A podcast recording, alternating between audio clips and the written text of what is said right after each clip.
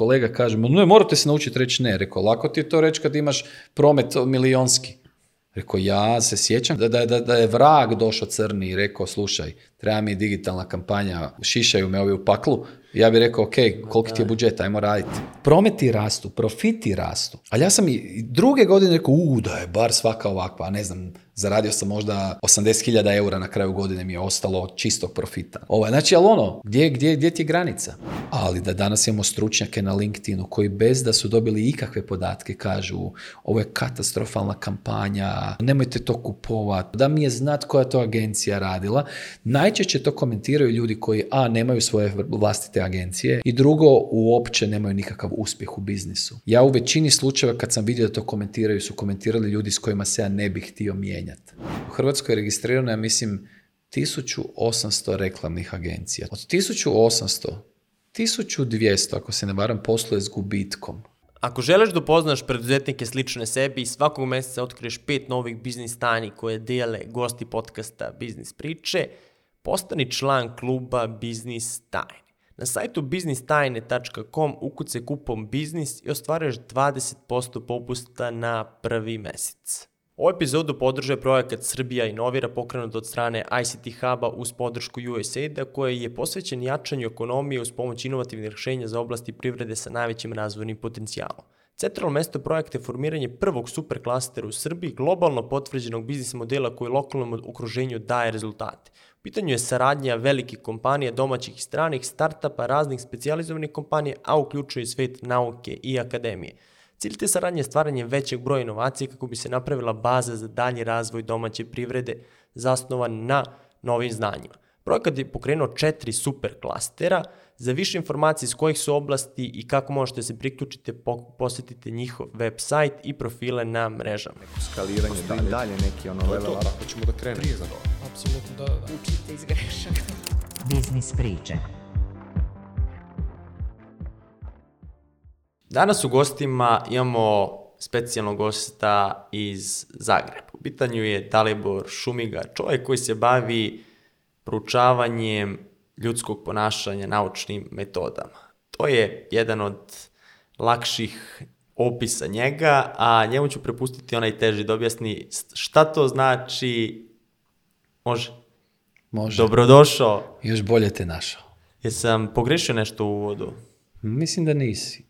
Da, ljudskim ponašanjem kroz više sfera. Ono, e, sto puta sam to ponovio, pa pokušavam svaki put da nešto novo. Znaš, ono, ali, Ali, ne možeš, da. Ovaj, realno u četiri segmenta radim e, i moja kompanija.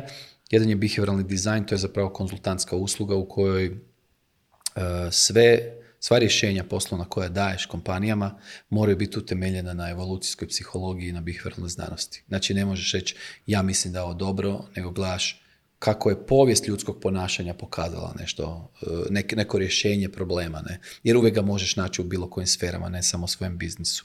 To je jedan segment, možda i najkompleksniji, najteži za objasniti. Drugi je neuromarketing, to je naša premium usluga gdje praktički mjerimo podsvjesne reakcije ljudi na bilo šta na reklame, na pakiranja, kako reagiraš kad vidiš e, ime, logotip, što god. Znači, što Nakad god... opremu. Da, da. Senzore, znači imaš više senzora, imaš EG za glavu i tako. Evo, spomenut ću nek možda kasnije u nekom konkretnijem kontekstu.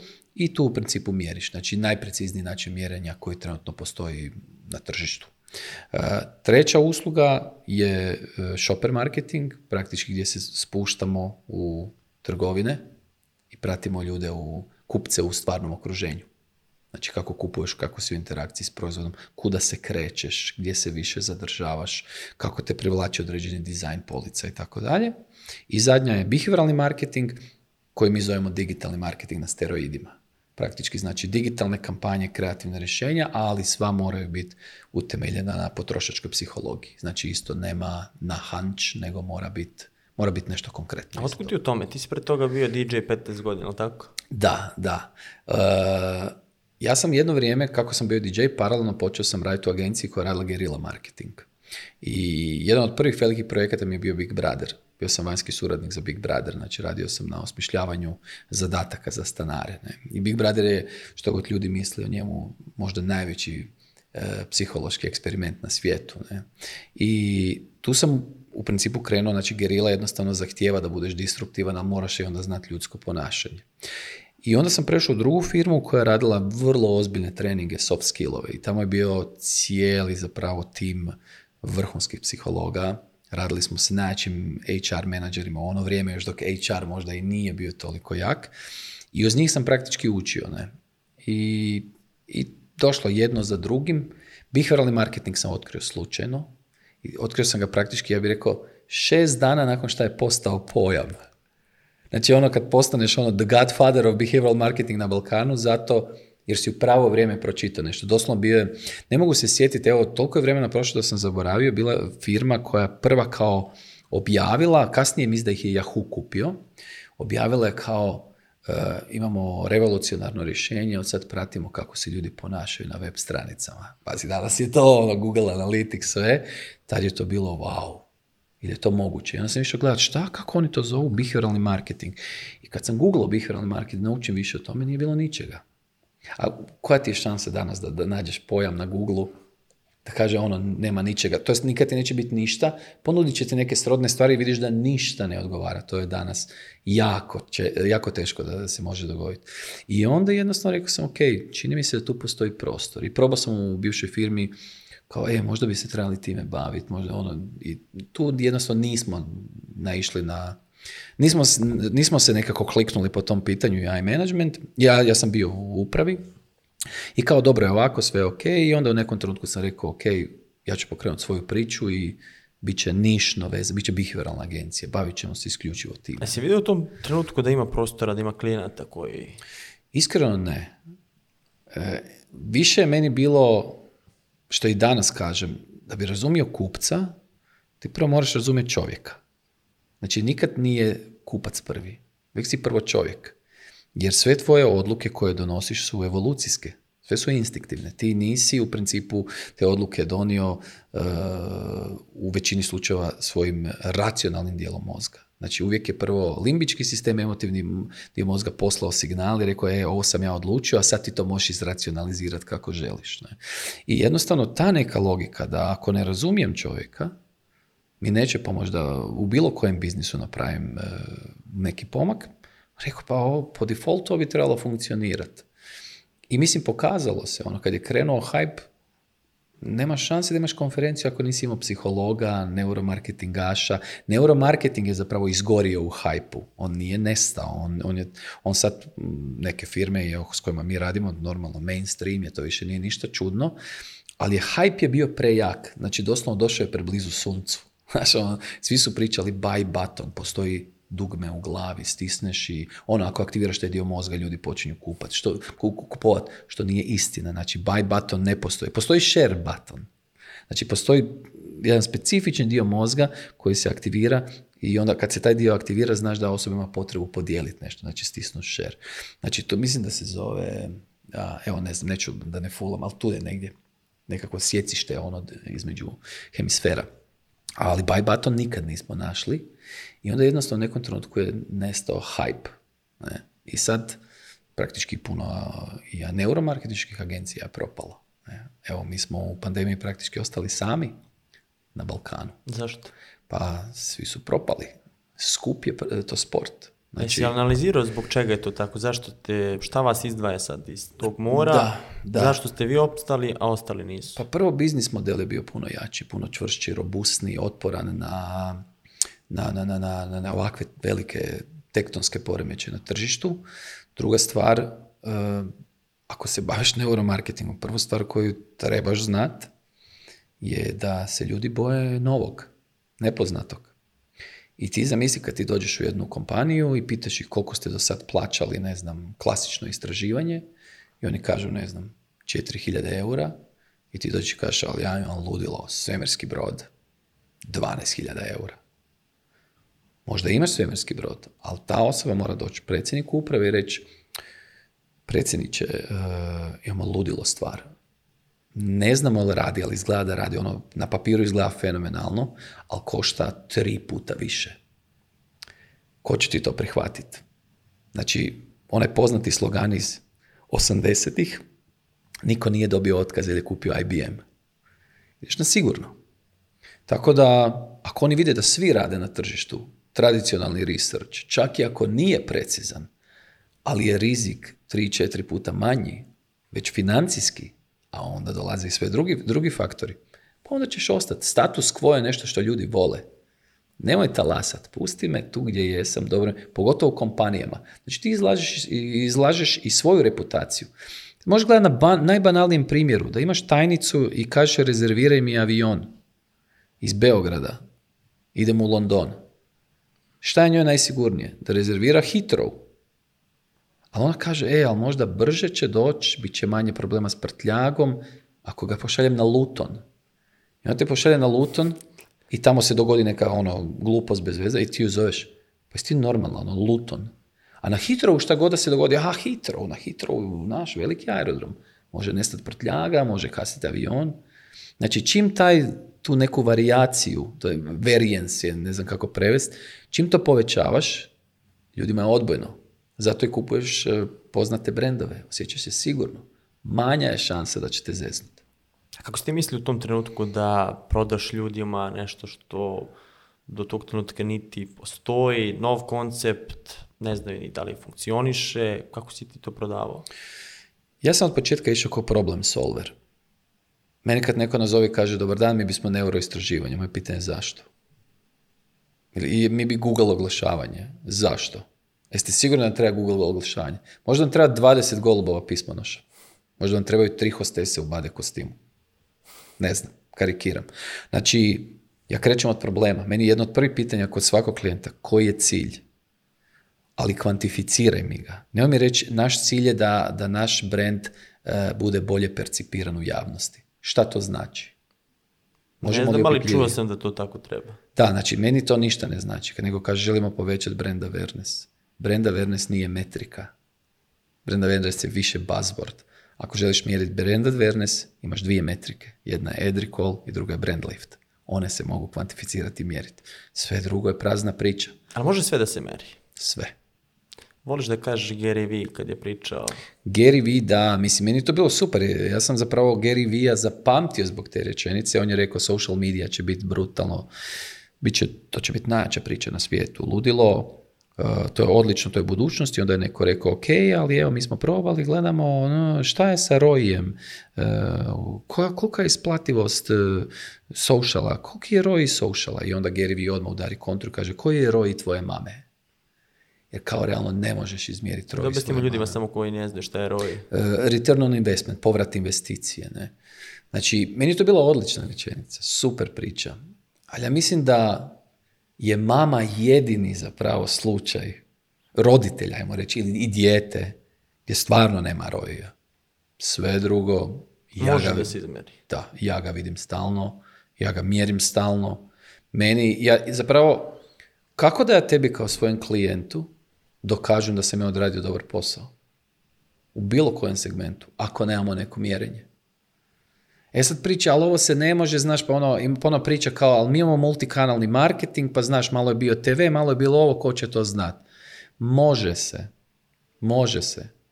Znači, evo, ne moraš ići na neuro, idi na najbanalniju stvar, da bar ljude pitaš, ok, od ovih kanala za koji smatrate da je najviše pridonio da čujete za ove brende, pita ih bar, kreni od tu.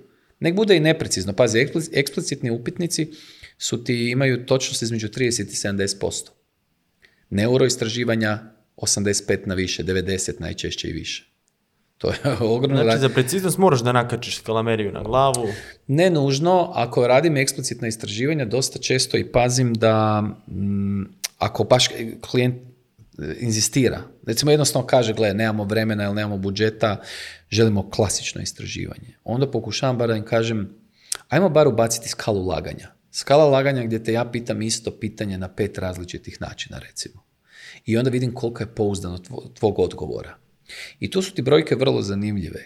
Recimo, ako te pitam klasično pitanje želiš ti proizvod A ili B, E, tu ti je pouzdanost odgovora negdje oko 80%. Znači na koji god način da okrenem pitanje, ti ćeš biti vrlo konzistentan u odgovoru. Ali kad kažem zašto, i ti recimo kažeš proizvoda, ja kažem zašto proizvoda i čak ti ponudim neke moguće odgovore, e tu ti pouzdanost pada ispod 60%, kreće se među 40 i 60%. Zašto? Jer moraš vući informaciju iz, iz svoje podsvjesne E, i, i svoje dugotrajne memorije, što ne možeš uvijek, ti praktički nekad onda izvučeš iz, iz e, radne memorije, ono što ti trenutno stoji u glavi. Znači, mi smo imali istraživanje u kojem pitamo ljude gdje ste zadnji put vidjeli ovaj brend? poznat je brend u pitanju, i oni kažu u TV reklami. Klijent četiri godine nije imao TV reklamu. Znači, jednostavno zašto? Kad nisi znao odgovore koji si, pa vjerojatno su bili na TV-u. Znači, uvijek imaš zašto ljudi lažu u anketama. Prvo, žele da, da, dati društveno prihvatljiv odgovor, to je jedno. Drugo, dvoume se između jednog ili više odgovora i treće, ne znaju. Znaš, ti me pitaš nešto, ja kažem, glup sam, ne znam. Ne, nego ću reći bilo šta. Znaš, ono, ljudi, to nisu ljudi, sad možda mi smo u biznisu pa kažemo, ajde, pa nije sramota da kažeš ne znam. Ali ti imaš ispitanike koji su vjerojatno i plaćeni za to, imaju neku anketu pet minuta, kažu pa ajde, odgovorit ću bilo šta. I tu se takvi, takvi slučajevi se vrlo često događaju u, u eksplicitnim upitnicima. Dijete si onaj primjer sa zvučnicima.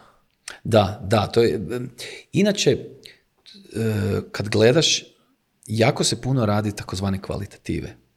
Znači, kvalitativna istraživanja su ti ona gdje e, ti ne ideš, pokušavam sad to banalizirati maksimalno, ono, e, gdje, ajmo reći da dobivaš opisne informacije ne dobivaš ono 30% ovoga, nego mi sad sjedimo ovdje, skupiš nekoliko nas, recimo obično, ne znam, fokus grupe su osam, ili mm, kolegica Jelena, ona ima više, ona vodi tu promo sapiens u Srbiji, ona ima više iskustva, mislim da kaže ono četiri puta osam ili tako nešto, da su to neke norme ili osam puta osam. I onda u principu s ljudima razgovara. Što vam je kod ovog brenda bitno? Što vam je, znači imaš, ja, ja ne znam, ja nisam facilitator, znači ja taj dio ne, ne, ne razumijem, ali znam psihologiju iza problematike fokus grupa. Znači čovjek kojega zovu the godfather of focus groups je rekao fokus grupe ne služe da biste dobili odgovore, nego da biste dobili pitanja koja morate istražiti. I šta se tu onda događa? Znači, tu je priča sa boomboxom koji je radio Philips. Oni su doveli skupinu tineđera. Boombox je zvučnik, je tako? Znači, zvučnik je veliki, može ga ono, ko oni reperi nositi na ramenu. Znači, Philips je radio istraživanje gdje su htjeli saznati žele li tineđeri više žuti dizajn boomboxa ili crni. I znači u fokus grupi, istraživanje, oni njih pitaju koji bi više, da sad kupujete, koji bi više preferirali, oni kažu žuti. Završi istraživanje, kaže hvala što ste sudjelovali u ovom istraživanju, za nagradu ćete dobiti boombox. Želite li crni ili žuti? I oni su odabrali crni. Znači to je možda 10 minuta nakon što su rekli da bi žuti bio njihov preferirani izbor. I svako ko koristi fokus grupe, pozivam da pročita malo više o nečemu što se zove paradigma Solomona Eša. Imaš doslovno na YouTube-u čak video. Solomon Eš je doveo osam ljudi u, znači u laboratoriji, od toga sedam su glumci. I namjerno im je rekao da moraju davati pogrešne odgovore. I onda vidiš snimku gdje onaj jedan koji nije glumac kaže ono, pa oni nisu normalni. Pa ovo nije točan odgovor. Znači, ali očite greške. Šta se dogodilo? 37% ispitanika, a možda fulom uvijek za postotke, ne znam sve brojke, ali otprilike malo fulom. Mislim da 37% ispitanika je na kraju pristalo uz ljude koji su Da rekli, ne nego su rekli, dajem društveno prihvatljiv odgovor, ne želim se isticati. I to je problem fokus grupa, znači i moraš uvijek uzeti da i tumačenje takvih rezultata koji su kvalitativni e, je jako subjektivno. Na kraju krajeva ti si čovjek Znači, tu su opet brojna istraživanja koja pokazuju bilo kojoj profesiji ti ne možeš do kraja biti objektivan. Suci manje daju e, e slabije kazne ili opraštaju ti penale na sudu e, kad su gladni. Znači, najveći broj ovih e, parole, ili to amerikanci zovu parole kao, ajmo reći, oprosta, imaš ujutro, onda pada prema ručku, i onda poslije ručka ponovo raste. Ne? to je jednostavno tako, ti bez obzira što si profesionalac, ali si opet ti si prvo čovjek, onda si sudac, odvjetnik, bilo šta. Kad pričamo o marketingu, kažu menja se marketing, se menja uopšte ta osnova, ljudska psihologija se nije menjala? Ne, fenomenalna rečenica bila Bernbaha. Bili su potrebni milioni godina da izgradimo ove instinkte, bit će potrebni još milioni da ih malo promijenimo. Znači, ti jedino imaš novi medij. Imao si novine, pa si imao radio, pa si imao TV, pa sad imaš e, pametne telefone. Jedino je bila brzina prihvaćanja. Mislim da je trebalo negdje 75 godina, ako se navaram, da radio dođe do milijardu korisnika, 50 negdje za TV, 20 za stolno računalo, i samo pet godina za smartfon. Samo pet godina da imamo milijardu korisnika. Imaš, više ljudi ima mobilni telefon na svijetu nego četkicu za zube. I to je to. Znači, ali opet konzumiraš ono što ti se servira i opet to procesira tvoj mozak koji je isprogramiran za preživljavanje. Znači, kad čovjek umire, Mozak povlači kisik iz svih drugih dijelova tijela samo kako bi on umro zadnji. Znači on gasi svetlo. Tako je. I to je to. A, krenuo si tu avanturu, kako si došao do tog prvog angažmana, prvog klijenta? Mhm. Koliko ti je trebalo vremena? Iskreno ti kažem, da, zapravo sjećam se. Moj prvi klijent, to je bila zapravo, meni osobno jako draga priča, je bio hotel koji je gradio moj djed. Ja sam bio na otvorenju tog hotela. Davno. Davno, davno, znači bio sam klinac. Moj pokojni djed bio građevinac. Znači, nije bio neki direktor veliki ili nešto. Čovjek koji svojim rukama je tamo, znači, ovaj, dao je svoj angažman tom hotelu. I ja sam bio na otvorenju i poslije toga taj hotel nikad nisam ni, bio sam prolazi blizu njega, ali nikad mi nije bio u priči. I onda kad sam pokrenuo Promo Sapiens, koji je ispala priča preko nekih ljudi, spojili su me, rekli su ovaj hotel treba Google oglašavanje, aj ti na razgovor. I mislim, super je bio razgovor, sam odmah rekao, ovaj hotel je gradio moj djed. I oni su bili 001 klijenti, ja sam rekao, dok god bude Promo Sapiens radio, koliko, da, da, koje god milione okrećemo, nikad nećemo mijenjati cijenu. Ovo je circle of life. 001 klijent je hotel koji gradio moj djed za kojeg sam ja bio jako vezan. Ne? I tu smo krenuli s time da odmah od početka, budući da je digital bio behavioralni marketing, ono kako kažemo digital na steroidima, je bila prva stvar koju sam radili, jer je najlakše bilo prodat, nije baš neuro mogao samo tako ići, a morali smo imati neki revenue stream koji je kontinuiran. A što je to Google Ads ste radili za njih konkretno? I Facebook i sve, znači stvari u tome zašto smo mi u digital ušli. Behavioralni marketing je zapravo digital. Ali bio nam je bitan zato što tu veliki semplovi ljudi. Ja svaki dan mogu raditi testove koje bilo koja research agencija sa klasičnim istraživanjem može samo zamisliti. Znači zamisli ti kad imaš nekakve izbore, trebaš koliko? Hiljadu ljudi, neki sample size. Hiljadu ljudi u tri minute smo mogli sad dobiti na Instagramu, na tvojem profilu, koji bi razvalio da smo htjeli išta pitati. Znači, to je, to je bila priča uh, sa kojom smo krenuli. Ali zašto smo to pričali? Moram se vratiti sad nazad. Da. Priča prvi klijent, digital, da. ste im nudili prvo digital. Da, krenuli smo prvo s time. E, da. I onda šta se dogodilo? Mi nismo bili prva digitalna agencija, daleko od toga. I ja sam tu vidio, ok, gdje se kreću kolege iz drugih digitalnih agencija? Oni su svi napadali turizam turizam, turizam. U Hrvatskoj je to... Da, da, da, znaš pogotovo ono, turistička zemlja i Google je bio jak i mislim da danas Google ima fantastične rezultate u, u turizmu. I to je zapravo i sve edukacije koje su bila o digitalu su većinom bili primjeri, evo ovaj hotel, kako je ova destinacija, znači uvijek je to bilo, niko nije ono, donio nekakvi, ono, neko gazirano piće ili nešto, uvijek je bilo ovo. I tu opet, kako sam odmah rekao da želim biti disruptivan, rekao sam, ja neću griz kolač koji već svi grizu, znači čekati između njih i malo skupit mrvice. Idemo u druge industrije. To je vjerojatno bila odluka koja je spasila Promo Sapiens u doba pandemije. Ja sam odabrao dvije grane sa čistom logikom, ljudi će uvijek trebati e, eh, ljekove i hranu tim da ne mislim na RX lijekove na recept, nego OTC, over the counter, ove koje kupiš, znači ovo za grlo, pastile ili takve neke stvari. I rekao, to su dvije industrije u koje ću ja ući. FMCG, znači oni koji proizvode hranu i oni koji proizvode, znači to nekakve dodatke prehrani i, i OTC proizvode jednostavno, znači pastile i to. I to je bio pun pogodak. Jer kad je pandemija stala, nažalost i hotel moj 001 klijent nije izdržao. Jednostavno zatvorili su ih i to je bilo to. Kasnije se promijenila vlasnička struktura. Ja više nisam ni pokušao prodati uslugu. Ali, znaš kako se jelo za vrijeme lockdowna? To je išlo. Nema, nisu se tu gasili budžeti. Tu su se budžeti pojačavali. Po dva, tri puta. Mi zapravo imamo rekordnu godinu promo sapiensa. Mislim, svaku smo rasli. Ali 2020. i 2021. su nama rekordne godine. Po profitu, po prometu. I to je ono što je i ove ostale agencije koje su se držale turizma. Ba ne, ne, ne. On, e, znaš šta, one koje su krenule sa turizmom, one su imali onaj, ja te volim zvat, oriflame efekt. Prvi si, pa si na vrhu piramide i znaš, onda...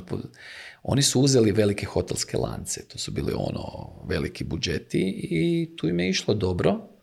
I onda jednostavno iz toga su mogli dalje širiti biznis. Jer su se pojavile druge konferencije, više nisu to bile samo o turizmu, nego su bile, znaš, ono, e, šta znam, o tim nekim, ono, neko je klime prodavao, neko je onda imao web shop za bijelu tehniku, neko je imao madrace, a to su sve stvari koje imaš i u hotelu, pa ono, restorani.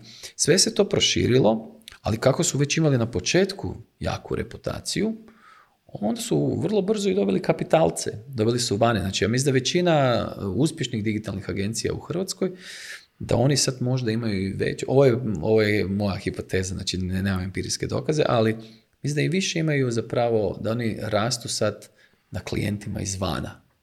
Recimo, Promo Sapiens je prošle godine, mislim da smo bili oko 17 ili 20% na prihodu izvana. Ali kad ti vidiš radne sate za taj prihod, E, to je već druga priča. Znači, na mene kad pitaju koja ti je najisplativija usluga, kaže moje predavanje. To je najjača lova. 20 minuta. Ok, moram pripremiti prezentaciju. Ali najjača lova. Znači, koliki su tu troškovi? Neko pametan u firmi, prema mojem storytellingu, malo izdizajnirao, kaže da im promijeni ovaj slajd, ja ne dopuštam da se snimaju predavanja tako da mogu koristiti sa prijašnjih. Neće neko reći, e, pa to sam gledao na youtube To je najjača lova. Znači tu smo bili smo sad nedavno na jednoj konferenciji isto i onda je poslije svirao jedan poznati pjevač i kaže vaš kolega što misliš ko je više para uze danas, ti ili on? Ja kažem, jel gledamo po satu? A on kaže, a znam šta misliš, da, ako je po satu, ubio si ga, ne? Tako da, ovaj, vani kad radimo s klijentima, naše cijene koje možda i jesu veće za vanjsko tržište, njima su još uvijek presmiješne. Ne zato jer smo mi jeftini, nego jer evo sad sam, kad sam se vratio iz New Yorka, oni su rekli u svim našim sferama ovo što ti radiš je cutting edge. Ovo je nevjerovatno. Meni dođe čovjek iz Bostona, inače vlasnik jedne velike agencije, on kaže, gle, ja sam čuo za ovo pred deset godina, ali nikom je ovo nije znao ovako ispričati. I niko mi nije dao konkretne brojke. Ali svi oni krenu, tu je bio problem neuromarketing hajpa ti spriče, otkrićemo ti buy button, mi ćemo ući u glavu vaših kupaca, sve i ti sad čekaš, ti čekaš čudesne videe, ljude koji šeću okolo, pričaju tvoj brend ono. I onda biš graf. Taj graf vrijedi milione, ali ti si totalno razočaran. A mi smo odmah u startu šta ćemo izmjeriti, kako će se izmjeriti, plus napravili smo fantastičnu stvar mi u našem portfelju, znači kad radiš kod nas neuromarketnička istraživanja, bilo to reklame ili bilo šta drugo, imamo takozvani seven star benchmark sistem. Znači gdje doslovno, i, mi imamo legendu gdje ti kaže sedam zvjezdica, to je to, ne moraš ni ulagati pare, ne doslovno, ali ono, Šest zvjezdica, ok, pet zvjezdica, dobar si, ali pazi, četiri zvjezdice, zona indiferencije, morat ćete uložiti ekstra budžete, da se uopće poruka primi, morat ćete povećati frekvenciju. I onda ide 3, 2, 1 dio, ono, oh shit, nemoj ovo, Znači, klijentima je vrlo jasno na toj skali gdje se nalazi njihov brend i u odnosu na druge brendove. A cijeli sustav, obično, znaš, neko kaže mi imamo svoj indeks score, imamo svoj benchmark sistem, on se najčešće radi tako da zapravo imaš, usporediš sa bazom drugih reklama koje si imao unutra. I mi smo vidjeli da to više nije USP, da to svi imaju. Znači velike, da sad ne spominjem i research agencije svjetske, one tu imaju. Mi smo rekli, čekaj, ali ko je izmjerio univerzalnu ljudsku emociju? Kako tvoj mozak reagira kad vidiš da neko jede čokoladu? Kako reagira kad vidiš da se panda kotrljan iz brdo ili jede trsku, na ono, pande su ono uvijek cute.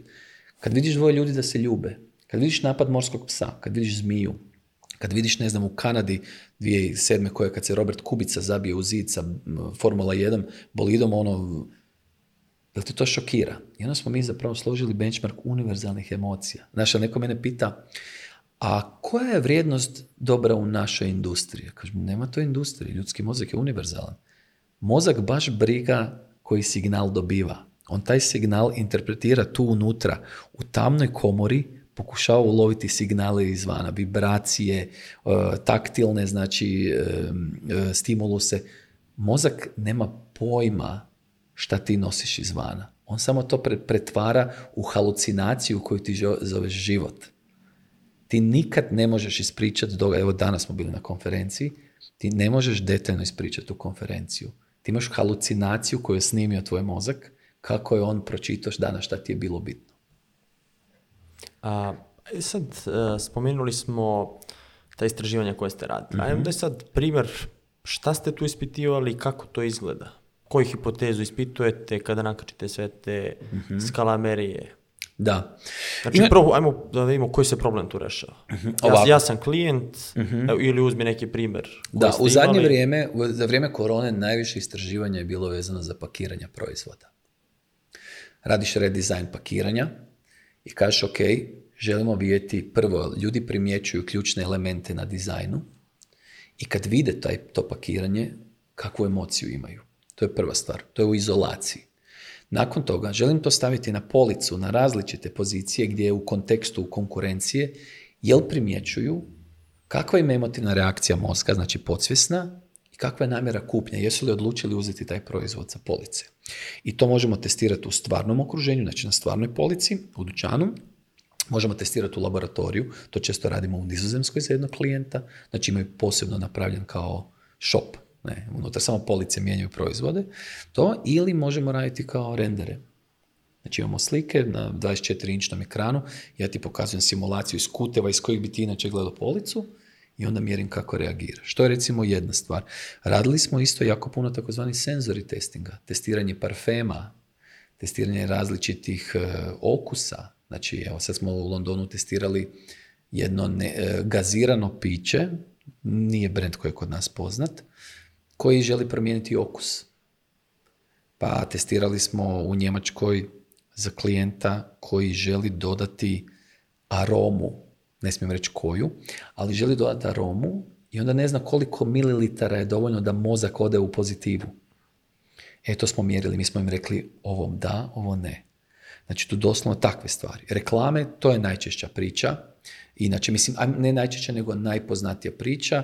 A šta, kod reklama sad? na primjer ti si pa radio testiranje, mhm. znaš šta prolazi, ubacimo pand, ubacimo ovo. Zašto mora sad za mene nešto specijalno da se radi ako ti znaš, ej, ubaci to, to, to? E, imaš neka generalna pravila, ali nisu ti dovoljna da bi ti stvorio savršenu reklamu. Storytelling je svaki drugi, a reklama, dobra reklama mora imati dobar storytelling. Imaš neka osnovna pravila, tipa izazovi jaku emociju prvih 5 sekundi. Zašto? Zato jer želiš izbjeći onaj skip line na YouTube-u. To je došlo sa digitalom. Druga stvar, kad god imaš jaku emotivnu reakciju, u tom trenutku moraš imati logotip gore. Ne cijelo vrijeme, mozak će ga suzbiti nakon nekog vremena, će tu je cijelo vrijeme, neću to gledat. Znači, to ti je recimo bitna stvar. Onda kad ti se pojavlja proizvod u kadru, želiš vidjeti je, je, li je pozitivna reakcija. Pa onda zavisi, ako imaš proizvod koji je piće, jako ti je bitan takozvani first sip efekt. Znači, to želiš pokazati. Tu ti imaš izrazito visoku eh, emotivnu reakciju, zato se to zove mentalna interakcija. Osoba ima ošće da ona to konzumira. I onda mi u principu testiramo, imamo više opcija. Jedna opcija je da testiramo stare reklame. Znači, ti kažeš, imam budžet za novu reklamu, ali ne znamo koliko smo omašili sa starim reklamama. Ajde istestirajte stare reklame dajte nam izvještaj i taj izvještaj će biti brief kreativnoj agenciji gdje oni kažu a u staroj reklami koristili smo dual screen, nemojte koristiti dual screen, mozak jednostavno teško procesira informacije. E, preblizu se stavili lica ljudi. Znači tu ti se sad može, tu imaš različitih primjera što se može dogoditi. Ali isto tako imamo i situaciju da je potpuno nova reklama i onda prije nego ide onaj final cut, klijent kaže ajmo mi to istestirati. I tu ti je uvijek pitanje Znači, prva stvar koju želiš vidjeti, je li ta reklama uopće izaziva pozitivnu reakciju? Zašto to želiš istestirati? Zato jer kad gledaš kontribuciju prodaji, 47%, ako se ne varam, ti nosi kreativa. 22 rič i 15 ili 19, mislim na 15 brand equity. Što znači, ako si fulao sa kreativom, morat ćeš pojačati frekvenciju pokazivanja. Znači, rijetko mi naiđemo na reklamu koja je katastrofalna. Gdje onda kažete ovo doslovno će vas, ono, bit će cancel. Cancel cijelog brenda, to je rijetko. Nego ti većinom imaš, pogotovo ti je to slučaj recimo kod telekoma i kod banaka. Imaju sterilne reklame. Konzervativne, zato jer naš ono, ne želimo previše talasat. Ali šta ti se ono dogodi? Ljudi su indiferentni na to. A šta je gore, da bude negativni ili da budu to indiferentni, ne, ne, da bude, da bude indiferentna osoba. Znači, 4% reklama je zapamćeno pozitivno, 7 negativno, 80 i koliko, 9 e, uopće nije primjećeno. Ako, znači, attention economy je danas ono, buzzword, ako nisi privukao pažnju, imaš problem. To je ono, um, ko je to, nije rekao Maker, ne znam ko je rekao, ako ne znaš ko onda Gary da, ako, onda Gary Vee, odlična fora. Ovaj, kaže, pišite o meni šta god želite, samo mi ime napišite ispravno. Znači, to je ta attention bar da privučeš pažnju. A, najgore ako je indiferentna, zato jer e, imaš situaciju, mislim, ovo, ovo je ono, elephant in the room. Većina brendova, iz mojeg iskustva, rade istraživanja da bi dokazali sebi nešto što već vjeruju. I tu smo mi đavolji odvjetnici. Ja ne mogu lagati u istraživanju. Eksplicitno istraživanje možeš namjestiti. Možeš iz različitih kuta, možeš neki dataset uzeti. Ja ne mogu. Mozak je mozak. Šta je mozak rekao, to je to. I onda imaš situaciju. Gledaj sad ovako, probaj sebe zamisliti kao brand menadžera. Ti si sad odlučio, nagovorio si predsjednika uprave da ti da budžet za neuro istraživanje i si čuo da je to super cool. I ti kreneš u to istraživanje, trošiš ti dodatno svoje vrijeme, resurse i krenemo istraživati. I idemo gledati koja su tri moguća scenarija. Prvi je da je reklama odlična. Koja je tvoja reakcija? Eto, znao sam. Ali evo, sad imam i potvrdu. To ti najčešće. I to je idealni scenarij. Drugi, reklama katastrofalna. Ti kažeš, evo, znao sam, dobro da smo napravili istraživanje. Najgori scenarij je hmm. meh. Ljudi kažu, a, ok. I to ti je problem. Jer onda u većini slučajeva čak i neuromarketinške agencije nisu znale protumačiti te rezultate.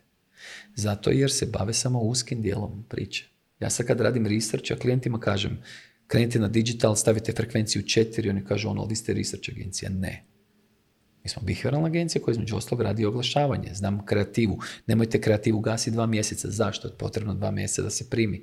Znači mi dajemo puno konkretnije e, feedbacke zato mi nismo research agencija koja samo čita nekakve podatke, statistiku, nego mi radimo kampanje onda znamo što treba e, napraviti. to, eh, stekao sam utisak da su to generalno i hollywoodske reklame, reklame sa velikim budžetima, jer za male startupe, direct response marketare, ja napravim deset kreativa, pustim i vidim šta ima konverziju i ovo ostalo gasim.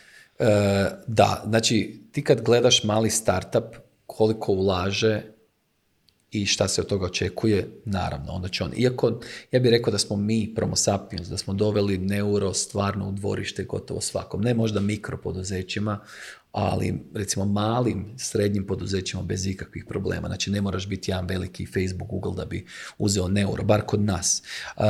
ali kad imaš odluku koja vrijedi 30 milijuna eura, a onda nećeš ići na hanče.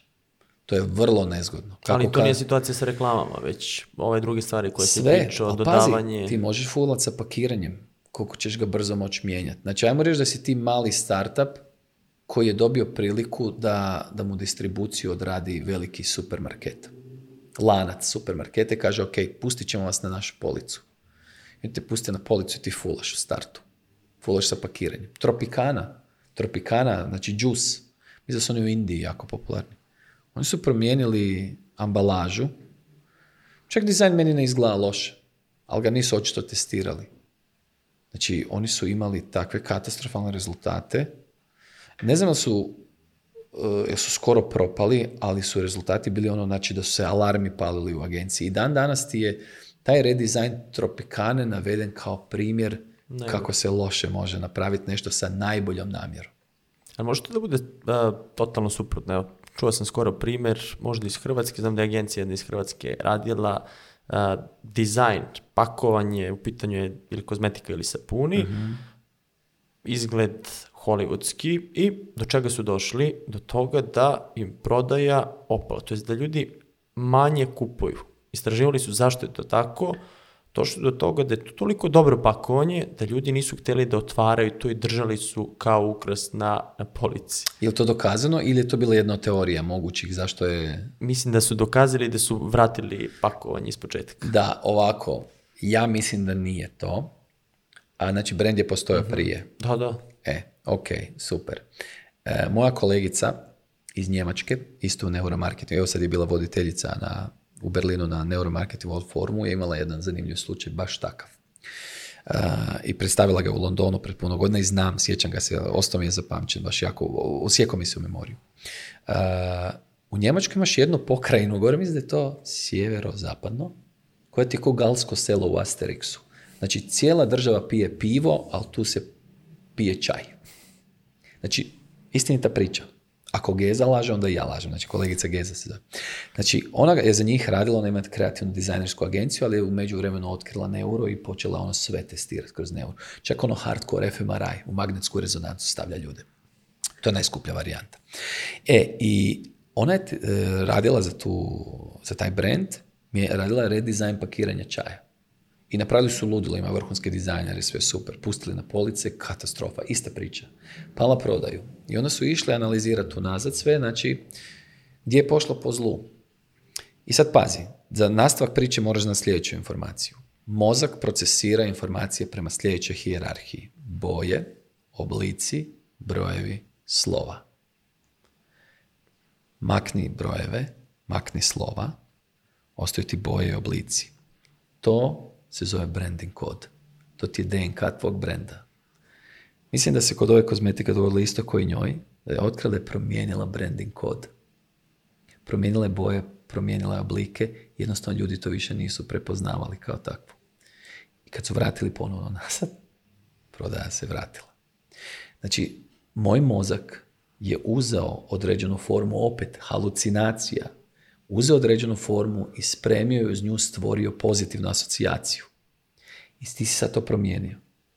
Zamisli bilo koji od poznati brendova, Apple da makne jabuku, Coca-Cola da nema više onaj znak i da nema taj prepoznatljiv font i tu prepoznatljivu pantonu crvene e, svuš da nestane s Nike-a. Adidas da, makne crtice. Ovdje čak mislim da, da se bolje objasni da je opala kod eh, eh, to jest korisnika koji su mhm. već postojeći, mhm. da su novi korisnici dalje kupovali, ali su postojeći korisnici, kažem tu, u ta učestalost kupovine se smanjila. Znači ljudi koji već to koriste i, kažem, došli do toga da ljudi drže to kao ukras bukolo na, na stolu koliko to lepo izgleda. Znači oni su praktički se prebacili u kategoriju premium proizvoda, nisu bili prije. Da. A gledaj, tu ti je uvijek problem, mislim, znaš ove neke brendove, neću ih sad imenovati, ali ne znam je li to javna tajna, ali ono imaš supermarkete gdje puno ljudi ono vidi, a ovaj je jeftin i ovaj je skupi, ne znaju da je to isti vlasnik. Ali su ovi rekli, gle, moramo pokriti ovaj dio market ali ne možemo sa premium proizvodom. Pa onda ćemo davati jeftinije proizvode. Mislim, ono, vjerojatno i znaju ljudi. To je i u automobilskoj industriji. Da, ono. da, da. to je Da, da. Tako, ne znam, evo, morao bi vidjeti proizvod i ovaj, vidjeti u kojem kontekstu je rađeno i testiranje, onda bi mogao dati neko mišljenje. Ali ne čudi me, može biti i moja i tvoja teorija vrlo lako. A kad pričamo malo pre, da li je ta reklama dobra, da li nije, šta merimo mi tu na kraju? Je to konverzija, ili ne, ne. brand? Prvo, prvo što mjeriš kod, kad je neuro u pitanju, prvo mjeriš... Eh, ne, ne, ne kod, eh, kod neora. Naprimjer, eh, mm. odradio si neuro, mm si da je ta reklama bolja i onda se pušta na mm-hmm. kanal. I sad šta merimo, šta je nama metrika? Ovisno koji ti je cilj. Recimo ti možda kažeš imamo dugotrajnu strategiju i mi želimo podići brand awareness. I onda kažem, ok, idemo ući u metriku. Koja metrika? Je vam bitnije da ova reklama bude primijećena ili da se sentiment brenda pojača? I dugoročno najbolje ti da radiš na e, sentimentu brenda. Šta onda radimo? Mi imamo posebni softver koji se zove Implicitor i on ima svoje neke podinačice koji spada u ono što mi zovemo podsvjesno anketiranje. Podsvjesno anketiranje ti je napredna verzija ankete. Znači, to je, ajmo reći da je to most između neura i i klasične ankete. Znači, kad gledaš mozak, sve što kažeš svjesno, to ti je supraliminalno. Sve što je podsvjesno, znači idemo neuro, to je subliminalno. I e, onda imaš taj dio koji obično nije pokriven, mi smo ga pokrili podsvjesnim anketiranjem, on se zove periliminalni dio. Znači tu ti se još nije uključio racionalni dio mozga, a emotivni još radi jako. I onda mi prije nego krene kampanja, izmjerimo sentiment prema brendu. Kako se mjeri sentiment? Ti mi kažeš biznis priče, kad, kad ja, recimo, ja bi ti, kad, da, bi, da s tobom radim brief, ja bi ti rekao, Vlado, ajde mi reci, biznis priče, kojih je pet riječi koje želiš da svi se sjete kad čuju biznis priče. I onda ti kažeš poduzetništvo, inovativnost, najbolji podcast. E, i onda ja mjerim podsvjesno je li ljudi vežu te riječi uz svoj brand i koliko su sigurni u svoj odgovor. Znači, mjerim snagu tog odgovora. Ja moram reći da sam to izmjerio prije ovog podcasta onda pustimo ovaj podcast, ovu epizodu i mjerimo ponovno. I vidimo jel se promijenio taj efekt. Je li moje gostovanje napravilo dobru stvar za tvoj podcast ili lošu. Isto tako možemo mjeriti moj brand nakon što sam bio kod tebe, prije nego sam bio kod tebe. E, i to je najčešće mjerenje. To mjerenje želiš imati svaki mjesec. Zašto? Ti svaki mjesec radiš tisuću stvari o svojem brendu. Znači imaš promociju neku, e, e, imaš edukaciju osoblja da budu ljubazni imao si prodajne aktivnosti, napravio si možda neku humanitarnu kampanju, šta od toga je polučilo uspjeh? Ako išta. A ti kažeš ono, mjerit ćemo u šestom mjesecu i onda u dvanestom. U mjesec dana ti se sentiment prema brendu može promijeniti, evo zadnje što sam ja vidio je bilo 70% za glavnu asocijaciju. To smo izmjerili pred mjesec i pol za jednog klijenta. 70% za glavnu asocijaciju se promijenio sentiment. Zašto? Zato jer su bile neke aktivnosti, to je sad analiza koju oni rade, znači mi nismo zaduženi za taj dio, ali možemo raditi gdje kažemo, ok, ajmo vidjeti što ste radili ovaj mjesec, kako se je dogodilo ovaj, e, ovaj Možda bude ništa nismo radili. E, ali Smanjili smo aktivnosti. Ali, to gledamo šta je radila konkurencija. Ti možeš dići cijelu kategoriju. Znači, znaš ono super foru, ovaj, to smo nedavno dali inset jednom klijentu, rekli smo provjerite koliko ima pretraga za vaš brand u odnosu na generičke pre, pretrage za vaš proizvod. Znači jedna stvar je ako ti tražiš pastu za zube, druga stvar je ako tražiš kaladont ili Colgate ili znaš signal ili šta već. Kad ljudi krenu tražiti brand, to znači da je neko počeo vladat kategorijom. A generički pojmovi još uvijek svako može preuzeti priču. To ti je kao kad, recimo, kad se mjere te podsvjesne asocijacije kod u automobilskoj industriji drži, glavno, drži primat na asocijaciju sigurnost? Volvo. Pazi, koliko ti je trebalo? Ni sekunda. Znači, ja nismo ovo namjestili. I većina ljudi će reći to, što si ti rekao, Volvo. I ti sad probaš, sad izmislimo novi auto. Zove se Vladimir i Dado. I kažemo ono, e, taj kroz zidove prolazi. I mi kažemo, idemo ga reklamirati i glavna asocijacija će biti sigurnost. Mi ćemo morati spržiti jako puno para prije nego zapravo, prije, ali prije toga ćemo dići Volvu market share. Pro, to je prodaju, ne samo on već market vjerojatno drži velike, ali ono prodaje će. Zašto? Jer on vlada asocijacijom. Ako mi nismo marketinški dovoljno imprintali puta u glavu, e, sigurnost više nije Volvo, ja sam sigurnost. Ako to nisi dovoljno puta imprinta u glavu, u nekom trenutku će reći, pa da, moramo kupiti siguran auto. Koji? Volvo. Ti se ne možeš sjetiti. Ovih slučajeva imaš milion da je neko radio dobru kampanju i onda digo cijelu kategoriju i najmanje pomogao sebi. Ali to je one reklame, to je već i gerila, ok, neko kuca Volvo, prva reklama, ads na Google, sigurni od Volvo. Da, a mi smo imali svoje vremeno, e, agencija u Hrvatskoj imala kampanju, e, nije samo nas pratila, to je sad zabranjeno kako sam ja shvatio, a, nego i sve druge agencije, kad si upisao ime agencije, recimo Promo Sapiens, njima je pisalo mi nismo Promo Sapiens. Mi smo, i onda je išlo njihovo ime, neću ih reklamirati. A, ovaj, I mi smo to brzo otkrili. Ja mislim da druge agencije nisu. I sad, naš ono, kao, tužit ćeš, ovo, ono, ništa. Otišli smo, prvo smo zaštitili trademark na Google, već je prije bio trademark, ali nije bio na Google zaštićen. A kako se to radi?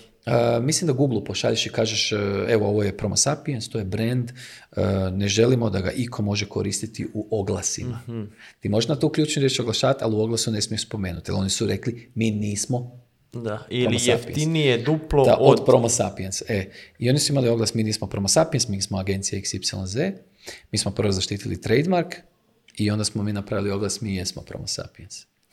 I onda ti šta se dogodilo? Oni ukucaju Promo Sapiens, e, njima iskoči e, recimo mi nismo Promo Sapiens, onda iskoči naš mi jesmo Promo Sapiens i onda iskoči organski Promo Sapiens. Tako da smo imali super kampanju i mislim da su oni tri mjeseca negdje nisu uopće kužili da mi jašemo na njihovom valu za frkancije. Znači, jednostavno, opet ono što sam danas pričao na predavanju, disruptivan, budi disruptivan, budi hrabar, igraj se s time. Pokaži to na drugačiji način. Pričali smo evo na konferenciji o tim temama hrabrost, agencije, klijenti. Koliko klijenti i brendovi, ajde, znaš ti neke hrabre brendove kod nas koji pomeruju granici u advertisingu, imaju tu sklonost ka riziku ili se to na kraju svede na neki nulti, nultu toleranciju prema riziku, ajmo na siguricu, da slučajno se neko ne nakači na to ili da, da. neko... Pa evo, dok, dok me pitaš, razmišljam i mogu treći reći da ne. Znači sad nek se uvrijedi ko se god želi uvrijediti, ali ovaj, ja testiram i reklame svojih klijenata i znam, znam kako izgleda unicorn. Ono, reklama unicorn i imao sam ih dvije u zadnje tri ili četiri godine da kažem wow, kakva reklama. I naravno i sales je bio ludilo. Većina ide vrlo konzervativno.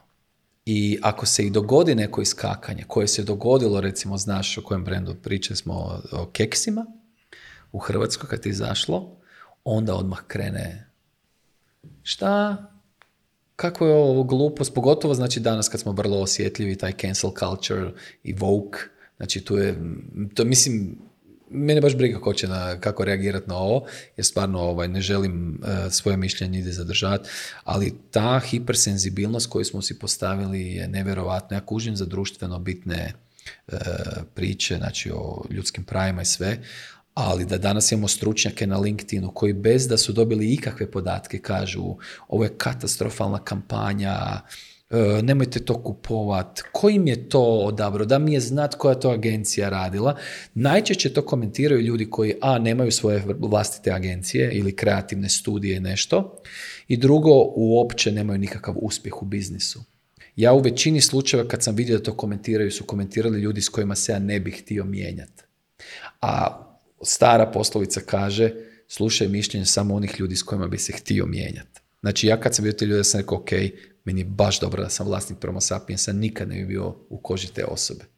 I uvijek isti ljudi, bar ja vidim, uvijek isti ljudi imaju potrebu kritizirati kreativu, mudrovat oko toga, ovaj, ali nemaju nikakvog pokrića. Onaj kad je bio CEO što je plakao na LinkedInu, kad ljudi. Mislim, je to isto bilo ono, ne razumijem rezon iza toga što si napravio, ali isto tako ne razumijem cijeli ono taj public rent koji je krenuo na njega, jer e, gledao sam podatke u Hrvatskoj. U Hrvatskoj je registrirano, ja mislim, 1800 reklamnih agencija. Tu je negdje broj. E, to mi je knjigovođa skrenuo pažnju. Od 1800, 1200, ako se ne varam, posluje s gubitkom. Ima vas 1200 koje biste trebali plakat. Tako da ono, shut the fuck up. Znaš ono, nemoj se rugat čovjeku bez veze, ne znate njegove motive, svi su puni tih ono life coach savjeta, ali kad gledaš njihove brojke, kad odeš na poreznu, ono, podkrijepi. Znači, ne možeš mi pričati o kreativi ako ne mogu vidjeti tvoje radove. Recimo, kolega Filip... Ali ja sam dobio nagradu. Da, evo i o nagradama možemo razgovarati, ali evo htio sam vam reći, mislim i tu moram pozdraviti kolegu Filipa Vuletića koji vodi Promo Sapiens u Crnoj Gori, veliki tvoj fan i kaže da Crna Gora stvarno sluša biznis priče. Evo, ubio bi me da nisam to rekao. On je bio objavljivo nedavno, znači neka naša kreativna rješenja koja smo radili i mislim ona su i na webu objavljena, ali on je čisto na LinkedInu htio podsjetiti publiku. I onda mu se javi osoba koja je kao ekspert E, pa ne znam, mislim da ovaj vizual bi trebao ovako, mislim da ovo niste pogodili ovako, ja bih to napravila d, d, r, r, r, r. ja vidim to i ja ne reagiram naravno na njegovo, ali sam mu napisao poruku, rekao, ja da sam na tom mjestu, ja bih sad napisao, hvala na komentaru, možete li mi ovaj, pokazati nekoliko vaših kreativnih rješenja da vidim koji smjer je dobar? Koliko bih bilo? Nula. Znači, je li bitno da drži radionice, bullshita o tome kao kako se radi dobar copywriting E, pokaži mi te kreative tvoje za te poznate brendove koji su toliko spektakularne da mi naučimo onda, evo ja ću plati da Promo Sapiens kreativni tim nauči kako se radi prava kreativa kad si nam ti tako vrlo subjektivno objasnila šta ne valja tu.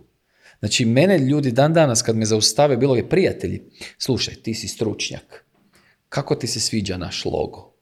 Pa rekao, zašto mene pitaš? Pa ti si stručnjak. Rekao, za šta? Za statističke pogreške.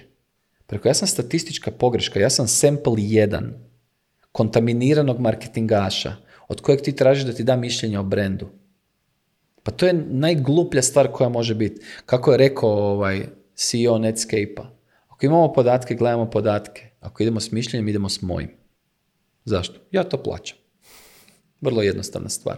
Tako da ja, kogod me pitao, ja, ja kažem, gle, ovo je disclaimer, mogu ti reći svoje subjektivno mišljenje, ali ja se ne bi držao toga. Pazi, meni se znalo dogoditi da, da ekipa mi pošalje kreativu, ja kažem, mm, ne, ovo ne ide klijentu. I onda oni, ali daj ono, dado, evo naši argumenti iza toga, dr, ja kažem, meni to, mm, mislim da je rubno, ne rubno kao da me strah, nego mislim da nije dobro iskomunicirano. Evo, daj da probamo. Pošalju klijentu, kaže, može, može super, bravo. I ja uvijek se ispričam. sorry, moj bed. Zato ne želim da, ja kažem ono, ako hoćete moje mišljenje, evo sad ću donijeti EG, dovešću 40 ljudi, izmjerit ću, nakon toga ću vam reći mišljenje i stojim životom iza njega. Ovo, a mi na LinkedInu imamo jako puno stručnjaka, pod navodnike. Ti si opredelio generalno za LinkedIn, tebi najviše igra tu si eksperimenti se radio, radio svašta, ali u šta se pretvorila ta mreža? Pa ta mreža... se to je šablon za, za objavu gdje da, svi ne, smo ja, pametni, svi smo... Je, ovako, ja LinkedIn imao sam i nedavno predavanje gdje sam rekao da LinkedIn psihoterapija. Postoje psihoterapija, svi se primimo za ruke, amo sad svi ponavljati to na glas, svi poslodavci su loši, svi posloprimci su genijalni, uh, da ti se šta dogodi, sutra bi te firma zamijenila, 97% onih koji ne slijede svoje snove rade za 3% onih koji slijede. Šrap znači, sistemu. možemo sad ove bullshite do jutra, ono. Znači, to su sve bullshit priče i, ovaj, i to je posto LinkedIn, ali problem je da, da ljudi i dalje lajkaju to. Ja sam napravio eksperiment koji me je koštao cijele baze Znači, jednostavno, algoritam je počeo pokazivati objave ljudi koje ja uopće ne pratim. Zašto? Ljudi koji mene prati, s kojima sam bio povezan, su lajkali te objave. I tu je krenuo self-help i taj life struggle i odlučio sam danas i ovako. Veruju sebe. Da, da, vjeruju sebe, to mora biti. I tri stvari na koje si zahvalan jutro kad se probudiš. Ne? Možemo da uđemo baš na LinkedIn da ti pročitam. Da, da mogu mi gledati, da šta, mislim da nije ništa. Mislim da je teško da ćeš me iznenaditi. Uglavnom, u cijeloj toj priči, kad gledaš znači LinkedIn kao e, psihoterapijsko sredstvo, automatski moj feed je zatrovan, zato neko drugi to lajka. I onda ja sam odlučio da ja to ne želim pratiti, ali da moram zapravo prevariti algoritam. I izbrisao sam u jednoj noći, doslovno sam to radio to jutro, znam da je zora svanula, ja sam još uvijek išao, izbrisao sam 8000 followera. Znači, ali sve konekcije, konekcije, znači to ne ono moj susjed pa je malo na LinkedInu, nego ono član uprave, predsjednik uprave, ostavio sam, i sad nisam znao kako da selektiram, kako da budem pravedan. Ja sam rekao, ok, ostavi samo ljude s kojima si imao nekakav kontakt. Ne nužno da sam bio fizički, ali da smo ona u nekom trenutku ili radili nešto ili, ili, ili pričali. I sa, ne znam, ono, mislim da sam trebao imati sad već negdje 14.000, imam 750 konekcija, 750 konekcija, ali imam negdje pol hiljade followera. Ali ti followeri su ljudi koji su svjesno odlučili pratiti mene. Ja im nisam slao nikakve zahtjeve, nisam ih molio. Znači, oni su svjesno odlučili mene pratiti. I rekao sam, i to će se tako biti. Follow button je primary button. Nema konekcije. Ja s nikim se više ne povezujem. Povezujem se s ljudima poput tebe. Znači ja sam znao... Ne, ne, to, to su me zezali neki, kao slali su mi doslovno, bila bi mi velika čast da prihvatiš moju konekciju, su znali priču, jer nemojte me sad zafrkavati. Sad krenu ljudi da ti šalju. Ne, nego doslovno idem našu varijantu, jesmo radili nešto skupa, jesmo, ok, onda ćemo biti konekcije. Inače, ja ne znam šta ćeš mi dati, šta ja pratim. Zašto? Ja sam fah idiot. Ja pratim samo ono čime se bavim. Totalni fah idiot. Mene ništa drugo ne zanima. I šta ću ja onda? Ja sad tamo čitam najbolje HR prakse. Me to ne zanima. I šta je najbolja stvar? Zbunio sam LinkedInov algoritam. On kaže, čekaj, njega prati 4500 ljudi, ali on ima samo 750 konekcija. Objavljuje svaki dan. I tu sad dolazimo do riča. Ja ne ganjam lajkove. Mene baš briga koliko ima lajkova. Ja znam 20 lajkova, znam 200 lajkova. I to znaš neko će 200. Ja znam ljude na LinkedInu koji imaju 4000. Baš me briga. Meni se u pravom trenutku inbox javi neko i kaže hej, pratim te već dugo, super mi je priča, možeš li odraditi predavanje, možeš li odraditi istraživanje, možeš li raditi kampanju. Najveći lidovi koje ja dobivam, i to nikad nije bila tajna, podcasti i LinkedIn. Znači, ja sa privatnim profilom i epizodama podcasta sam jači od svih kanala Promo Sapiensa. A ja to, ta, ta zapravo kult ličnosti želim maknuti već godinama. Ja cijelo vrijeme, čak i kad se radi PR follow-up, radit će se follow-up nakon influencer marketing summita, ja kažem, probajte izbjeći ono cijelo vrijeme. Naš Dalibor je bio i onda je naš Dalibor divno i onda naš da, i onda su pljeskali našem Daliboru, ne. Ja kažem, možete početi ono osnivač, bla, bla, bla, ono šta moraš, a nakon toga. Održali smo predavanje, da daj mi množinu i neki to promo sapiens. Želim da brand bude napred, da budem u pozadini, ne. Meni, meni ne treba fame, ne želim, evo danas sam na Instagramu krenuli su bombardirati follow, follow, follow, follow i hvala svima, evo ljudi siguran sam da ih puno i sluša tvoj podcast, hvala svima, ali sam doslovno stavio story. Ako je ono što vas je danas inspiriralo na konferenciji želite pratiti, nemojte me pratiti na Instagramu, idite na LinkedIn. Na Instagramu ćete vidjeti moju guzicu u Indoneziji, na Tajlandu u nekom skupom hotelu, zašto kad putujem, meni je to hedonizam stranica, Instagram, slikice i to. Hoćete čuti pametne stvari koje ste danas čuli? To je LinkedIn. Svaki dan oko 8 ujutro ja objavljam novi post. Svaki dan. Jel ih imaš na lagiru ili? Imam ih milion. Sad sam ih počeo brisati jer zapravo e, anksiozan sam. Kao ono, kad ću ovo objaviti? Treba mi ono 15 minuta scrollam kroz sve, nikako da odaberem. Ja sam rekao, ako na prvu sat mi se ovo ne sviđa, odmah ću izbrisati. Kad ta ću se ovako onako sjetiti? U jednom trenutku sam imao 400 objava spremnih za LinkedIn. To ti je bilo možda sad pred par mjeseci. Wow, kakav znači, Da, da, strašno. Zato, a pazi, ljudsko ponašanje je fantastično. S time da se pokušavam i nišno postaviti kao biznis, marketing. Ali onda otkrijem neku fantastičnu stvar. Ono, tipa, otkrio sam da ljudi koji su slijepi ne mogu ovaj, patiti od šizofrenije. I ja znam da sad će neko reći, ok, fakat si geek, on, ali meni je to fascinantan podatak. Nisi stavio na LinkedIn? Nisam još. Ali on misli, čekaj, jel to ima veze znači sa vizualnim podržajem? Jel zapravo šizofrenija nešto što stimulus dolazi kroz, kroz vid? Znaš ono, to mi je bilo fascinantno. Ja bi to možda podijelio, nešto napisao o tome, ali i, i, ne, i ne, ne gledam kako će ljudi reagirati. Znaš ono, e, ovo će izazvati reakcije, pa idem to. Znaš, ja vidim eksperimenti dobro prođu ili neke stvari. Ne, ono, ja znam kad sam napisao, ja sam znao da će ljudi to mrziti, da niko neće to ono, ne lajkat. Kad sam napisao, jel zna neko, jel iko ikad Simonu Sineku dao otkaz? Znaš, ono, Simon Sinek, jer, baš sam tražio koliko Simon Sinek ima zaposlenih, nikako naći podatak. Jer ima neko da je rekao, ja sam radio za Simona Sineka i dao sam otkaz. Ne sviđa mi se taj start with why i, ta svijet, sva pozitiva i baš mi je glupo raj kod njega. Želimo poznatu tu osobu. Pa to je moje iskreno pitanje. Ja sam stvarno se zapitao. Evo, upoznao si. Upoznao si. Mene su pitali u nekom intervjuu da li za njega ili smo nešto komentarisali. Ja sam rekao, Uh, onaj njegov TED Talk koji traje Aha. 15 minuta, to je to. Znači, ne morate da čitate knjigu, zato što je on tu knjigu pretočio, to je taj Otto to jest ovaj TED Talk prebacio na 200 strana na filovo i to je to. Ali koncept stane na jednu stranu, možda i pola strane. On je bivši marketingaš. I to je to, znam. Da, storyteller, odličan storyteller. Ma ne, svaka čast. Ali evo, ja sam pitao, je li iko dao otkaz Simonu Sineku? Ja sam iz onih viewova osjetio mržnju. Znaš, ono kao, šta se ti javljaš? Koliko je tebi ljudi otišlo? Otišlo koliko si ti knjiga, Koliko si ti knjiga prodao? Da, ono, nula. Zapravo je, ja sam ko autor samo jedne knjige i toliko sam bio lijen da sam napisao četiri poglavlja i stavili su me ko, autora. Knjiga se zove Shopping, to sam napisao sa poslovnim partnerom iz Norveške s kojim radim, shopper marketing.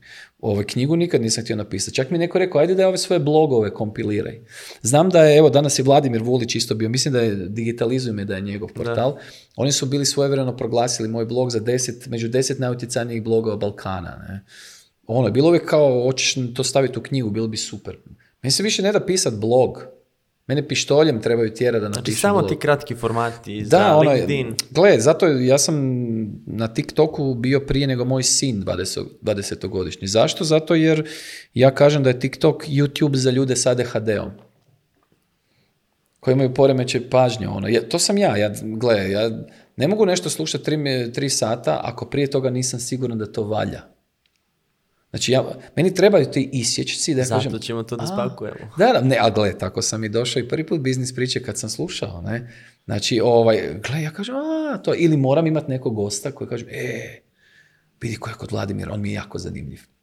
Ali inače, znaš, ono, meni, kad sam gledao i ne znam, neke i Joe Roganove epizode ili kad je Jordan Peterson bio negdje, ono, koji isto ima vrlo zanimljiv stil pričanja, ili sad u zadnje vrijeme Andrew Schultz, koji od stand-up komičara postaje isto nekakvi opinion maker, ja kažem, ok, vidimo ovaj isjeća, kažem, a, idem to vidjet. Mislim, evo ja sad Deva Šapela, koji je, evo, ono sad isto cancel culture zbog zadnjeg stand-upa, koja mislim da je vjerojatno najbolji stand-up u povijesti stand-upa, koliko je dubok. Ovaj, ja ga gledam ponovo kroz isječke na TikToku. Mislim, znam, točno što će reći, znam kad će se publika smijati ali paše mi da se podsjećam na to. Vrlo mi je pozitivno to, taj humor koji je vrlo inteligentan humor. Ne? Ta ono, meni je Jim Jeffries, on je meni najbolji komičar vjerojatno ikada. Louis C.K., kojeg znamo kako je završio. Ne? Ja sam bio na njegovom live nastupu u, Budimpešti nakon skandala. Čovjek se popeo na stage i ono, prvi, prva fora je bila odmah udana. Kaže, so, how was, how was your year? I ono, ljudi su vrištili od smijeha, svi znaju čovjeka su zbog, ono, kak je kao da je masturbirao pred svojim asistenticama, nije nikog dirao, ali je masturbirao, ono, njemu su propali ugovori, mislim, 30-40 miliona je izgubio. ali izrazito duhovit lik. Dobro, on je čak u nekim stvarima zna biti ekstreman, ali ovo, ja sam i svoje dijete odgojio, Jim Jeffries, e, Dave Chappelle, to je inteligentan humor, slušaj to. Neke stvari koje zvuče ono nakaradno su zapravo ozbiljne teme sakrivene iza smijeha.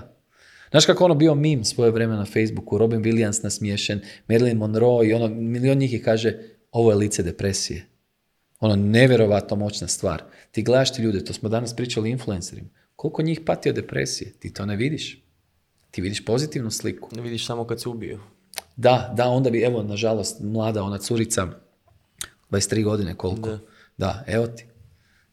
A šta dovodi do, do toga? Su to ta očekivanja ili to ajmo, idemo dalje, idemo dalje ili A pazi, pritisak? kao prvo moramo, mislim, moramo gledati uopće koji profil ljudi želi doći u žižu pažnje.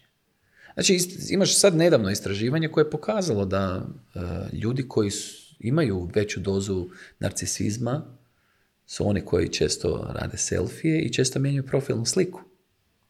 I to je, znači, pokazalo istraživanje. Znači, ti ako jesi osoba koja ima potrebu podijeliti svoju intimu na taj način, ti već jesi specifičan profil. Jel zašto bi to radio? Realno, zašto bi to radio? Ako nije biznis. Pa da, ali pazi, oni, e, ok, neki biznis.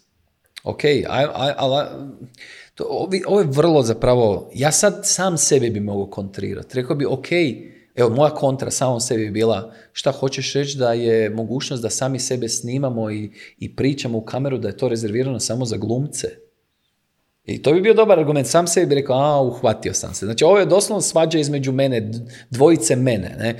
Znači, ja tu nikad ne idem, ne generaliziram i nemam predrasude prema tome.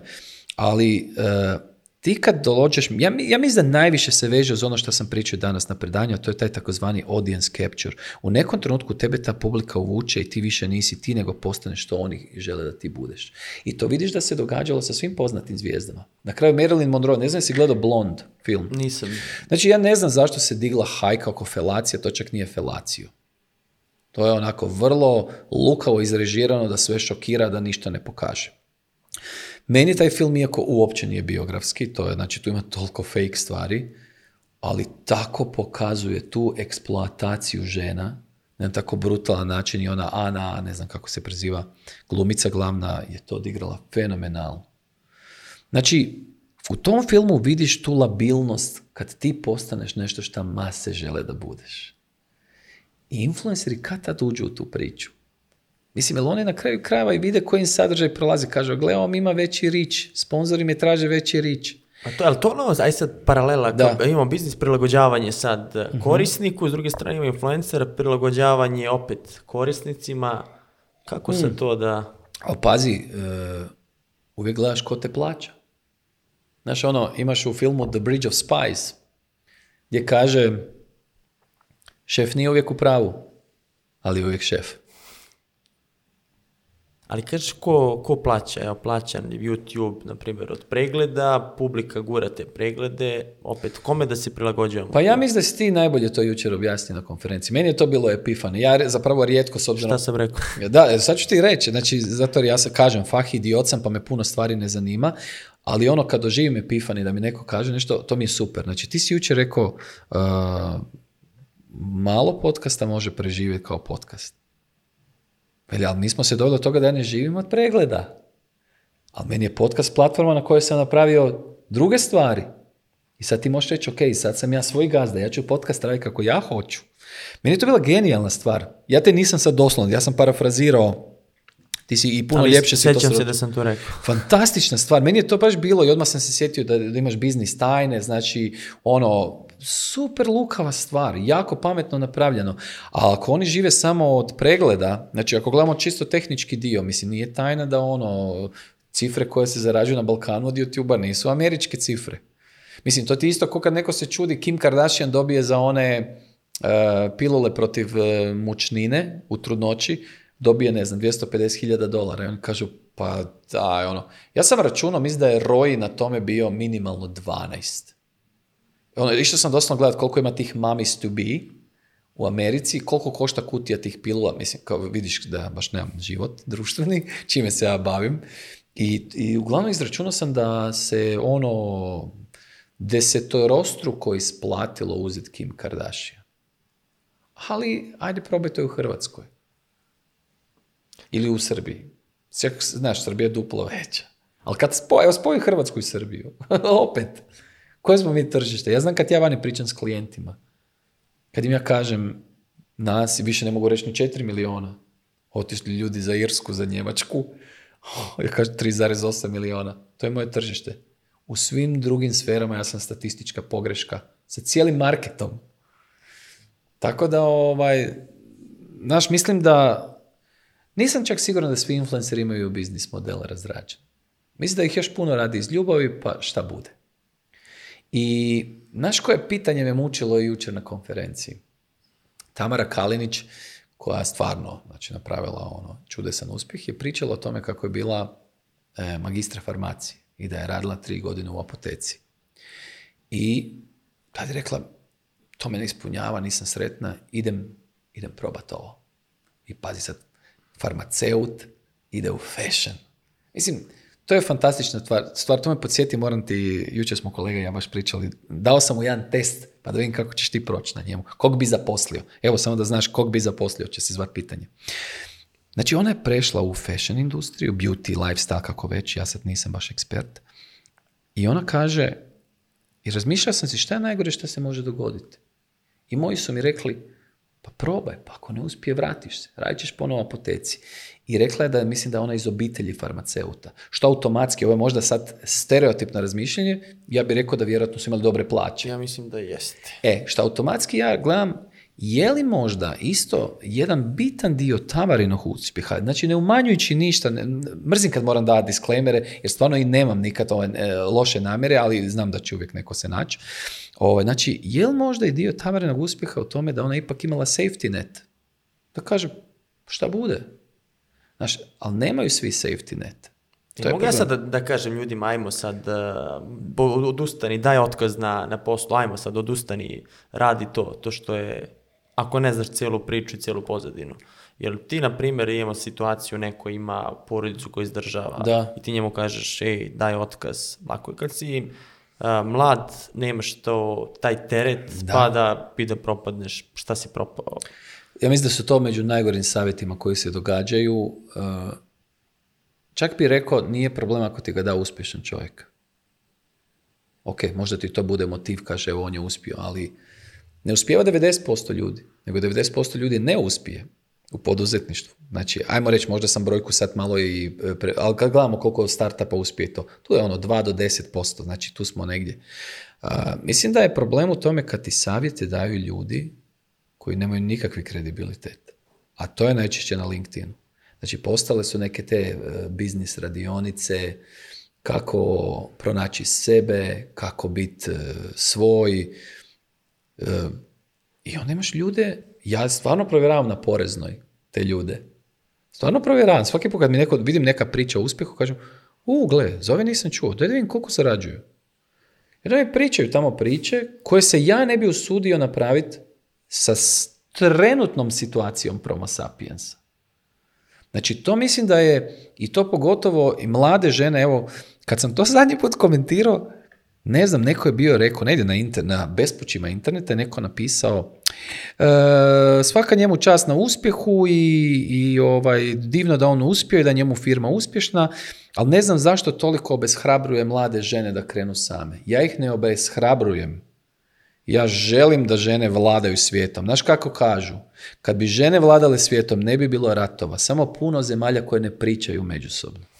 Znači, meni je to genijalna stvar. Žene su puno i od nas pametnije, racionalnije, e, brižljivije, e, ali ti zapravo kažeš im no matter what, može. 100%. Samo da je otkaz. Znači, ti zapravo kažeš da jedini preduvjet za uspjeh je da daš otkaz. To nije točno. Ja to znam na svojoj koži. Znači ono te priče o uspjehu preko noći i bit ćeš sretna. Ne možeš biti sretan ako si gladan. Znači, ja ne znam ko je Davidov, ko je rekao seks prodaje osim kad si žedan. E, to, je bila, to, je bila, je bila priča, bio je uh, e, Galib i Jelena Đoković u mhm. podcastu i Jelena je pričala e, o tim temama koje si sad spomenuo i Galeb rekao, ali sve to, ako si gladan, ne funkcioniš. Pa mislim, moraš znati da što više se penješ, da, ovaj, da, da sve više si cijepljen od realnosti. To se političarima događa. Znači jednostavno, ako, ako ti pazi, ako se ti voziš Zagrebom, Beogradom, Londonom, evo New Yorkom, svugdje ću, znači da nikog ne, ne diskriminiram, ako se ti voziš kao političar u limuzini gdje se ti sva svjetla su ti zelena, nikad ne znaš kako je zapet na Brankovom mostu ili u Zagrebu na Jadranskom, kako ćeš ti znat kako žive normalni ljudi? Ti si cijepljen od realnosti. Znači sve više kad si u toj priči, kad imaš novac, mislim ja danas isto imam prioritete koji nemaju veze s ničim. Evo jedan primjer i to odmah pozdravljam svog kolegu Mateja koji je ovaj me, on me baš me pljunuo na ovo. Uglavnom autom išao na redoviti popravak. I ja kažem, hoću zamjenski auto, dajte mi rang mojeg auta ili, ili nešto jače. Može. I ja vozim Audija, a oni mi daju BMW-a. I rekao, dobro, BMW-a, probat ću BMW-a, ne. I ja uđem u auto i ona mjenjač mi je čudo, mislim automatike, ali ono nešto, pa ono tu, pa nema touch screen, naš ono, ja ludi, ja, i zove me Matej, ne. I, ej, di si, Mariko, evo tu sam na aerodromu, dali su mi auto, šta, pa ko ima, rekao BMW, ništa ne znam, ono, a on ima BMW, rekao, kako možeš voziti to uopće? Ovo je užas, evo, užas, ovo mi je sad totalno pokvarilo dan, ovo su sve moje riječi. I on kaže, potpuno te kužimo, ono, zamisli ono, tvoje probleme, a ona balavurdi u Africi si kuka šta je gladna. I onda ja skužim koji sam kreten. Moj first world problem je, ili imam BMW automatika, ne Audija. Ne? Znači, isto u nekom trenutku sam postao cijepljen od neke realnosti koja mi je prije bila ipak puno bliža. Tako da mislim da si čovjek s vremena na vrijeme mora dati šamar.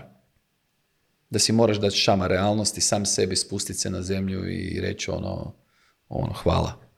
To je ta zahvalnost. Ja, gle, neću ulaziti u temu ovaj, vezano za zahvalnost, zato jer ja imam jednu veliku tragediju u obitelji koja se godila 2020 i, ovaj, I mene je ta zapravo tragedija obilježila. Ono, I kad god uđem u neku priču da nešto na poslu nešto ima onda samo se tog sjetim i kažem ok, a je se sjećaš toga? Ne? Znači, mislim, znam da je sad enigmatično, ajde ovako, najviše što ću dati informacije, iako sam jedan put na predavanju o tome pričao. Moj sin je izgubio najboljeg prijatelja, 17 godina dijete koje je ono, e, imalo tešku operaciju, umro je na stolu, oživjeli ga, vratio se ponovno u život, mi smo si totalno stavili misiju da ćemo mu pomoć, kad se izliječi i sve, iz vrlo skromne obitelji, teških uvjeta, kad se probudio saznao da mu je tata umro, ja sam rekao, to je moja životna misija, meni je zapravo karma bodovi, vrati nešto nazad. I, on je umro. 16.6. u, u 14.28 je umro. Ja sam svom sinu morao reći, da mu umre najbolji prijatelj. I taj dan sam ja ostao, ja doslovno kažem da sam ostao bez pola duše. I nakon toga što mi se god dogodi, ja kažem, ne budi smiješan. Znači, moj tata kad je umro, tata mi je umro od korone u decembru, znači 2020. Znači, par mjeseci kasnije poslije ovoga. Čak i to sam prihvatio, rekao sam, moj tata živio lijep život, živio unoke, sve, dogodilo se, nažalost nije doživio, znači da dobije recimo vakcinu koja bi ga vjerojatno bila u tom trenutku zaštitila ali sam puno lakše to primio. I poslije toga mi je sve, znaš. Ono, ja i svojeg sina, ja mu kažem, gledaj kako je život lijep. Nemoj si uništavati zdravlje.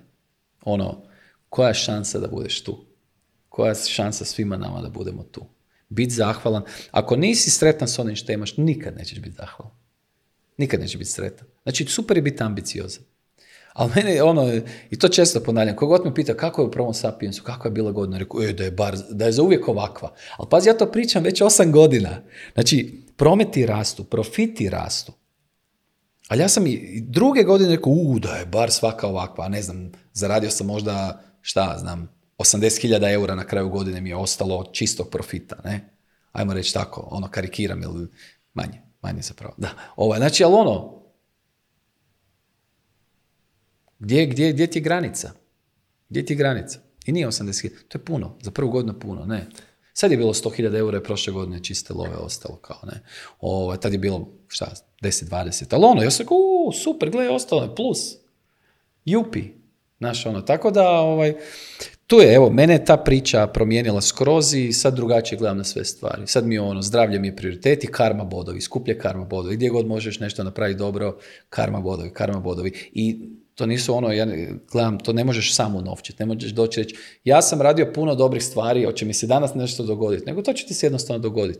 Meni stvarno nisam praznovjeran, ali nakon te priče, nakon te tragedije i kako smo mi pomagali oko svega do, tog tragičnog trenutka, doslovno ono prvo sapiens da je procvjeto. Skočili nam prihodi, naš profit skočio, ono nisam očekivao takav skok sve. Ja dan danas, iako znam da nemam empirijske dokaze, tvrdim, to je čista karma. Karma bodovi. To Unovčio sam karma bodovi. Sličan podcast koji si slušao Mišu Lukića kad je, kad je mhm. pričao kad su otišli za, za Katar, tamo su bukvalo živjeli od te plate. Da, da, u, u, Katar. I kad su našli taj, novac i na, na ulici, da, i kad su se vratili u Srbiju, odeli su u, u hran Save i kad su ga pitali kao Pošto pa što dajete toliko? Nije to naš novac. Da, da, kao, to je Boži novac. Je, je, sjećam se te priče, baš sam slušao sam Mišu kad je bio kod tebi, to je super priča, da, jedna jako lijepa priča. I pazi, e, ne mora niko ko ovo sluša vjerovati u to. Meni je dobro da ja vjerujem. Kao neko vjeruje u djeda mraza. Ako te to čini zadovoljnim, ja se u to neću miješati. Ne? Tako ovo, kažem, evo, meni je, meni je to promijenilo prioritete i sad i na biznis i na sve gledam potpuno drugačije. Bitnije mi je da sam zdrav, ako sam zdrav, imam dvije ruke. Evo šta je Miša rekao. Ha, mislim, krenut ću od početka, krenut ću s čim treba. Vjerujem da ću imati te pare, već ta vjera mi pomaže. Naravno, jel sad ista stvar da Miša kaže vjerujem u to sad, ne znam koliko, 30-40 godina iskustva i neko ko je pročitao na LinkedInu kaže, e, slušao sam kod Vladimira, rekao je Miša ili Dado ili bilo ko, da trebaš vjerovati. Od danas vjerujem krene biznis. Da, ali ova ima i 40 godina iskustva, ima networking iza sebe, ima reputaciju. To je ono stalno što smo pričali kad smo bili isto na jednom podcastu, kolega kaže, no morate se naučiti reći ne. Rekao, lako ti je to reći kad imaš promet milionski. Rekao, ja se sjećam kad nisam bio spreman da, da je vrag došao crni i rekao, slušaj, treba mi digitalna kampanja šišaju me ovi u paklu, ja bih rekao, ok, koliki ti je budžet, ajmo raditi. Da, najgore klijente, ali, to, ali to mora da se prođe. Ne pa moraš, to ti je, kreneš od nule. Osim ako imaš sreće da imaš zaleđe i da te baš briga i da ti možeš jednostavno čekat klijente ili da jednostavno prvi biznis odmah uzmeš kapitalca i kažeš ludilo je, kako mi je ovo letilo, neko budali šamar. Ali ne znam, ja ne znam baš previše. Znam takvih slučajeva, ali ne znam ih puno. Ja nisam bio taj. A to poređenje preko si malo prerastorom nam stalno apetiti, hoćemo još, još, poredimo se sa drugim ljudima. Danas je to lepo na prezentaciji ispričao da je, s kim se poredimo? I šta je bitnije da... Da, danas sam rekao na prezentaciji da bilo bi jedno, da ljudi žele biti sretni, da bi bilo jednostavno kad bi mi samo htjeli biti sretni. Ali stvar je da mi želimo biti sretni od drugih i računamo da su drugi sretni od nas. Znači uvijek računaš da je drugima bolje. Znači ti gledaš, ne znam, evo gledao sam isto, da, ove biografski filmovi su me baš zakačili da Elvisa, ne znam kako zove glumac, ono ludilo mi je odglumio to, i onda gledaš Elvisa, Slava, ovo ono, i neko kaže, ovo ja bih htio biti ko Elvis. Bili htio biti ko Elvis. I sa krajem koji on doživio, vjerojatno ne bi. Tako da, mislim, gle, ti moraš imati usporedbu, ali imaš benchmark. Znaš da i biciklisti u biciklističkim utrkama imaju tim zapravo zato da te on tjera naprijed jer brže onda vozi, to je dokazano da brže voze kad neko je u nekom trenutku taj ko, pacemaker, ajmo ga tako zvati. Ne? Tada to je normalna stvar, ali problem je u tome da prvo moraš se uspoređivati s nekim realno, znači ja ne mogu se treći, ja ću biti bogat ko Floyd Money Mayweather. Znaš, ono, prvo čovjek je boksao ne znam koliko godina, ima perfektni skor 50-0, naravno da je milijarder E, mislim da tu taj neki incremental gain pomalo da rasteš. Meni je tako bilo od početka. Ja sam od početka rekao daj Bože da imamo ovaj mjesec za plaću. Pa još jedan mjesec. Onda sam u nekom trenutku daj Bože da imam i za plaću još jednog radnika. Pa daj Bože da imam za dvije plaće.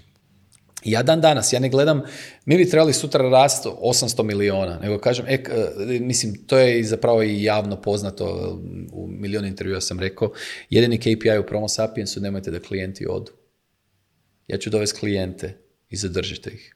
Ne moraju dizati budžete, samo nek ostanu. A ja ću dovesti nove. Znači, moja je priča da odradim top up, ajmo to tako reći.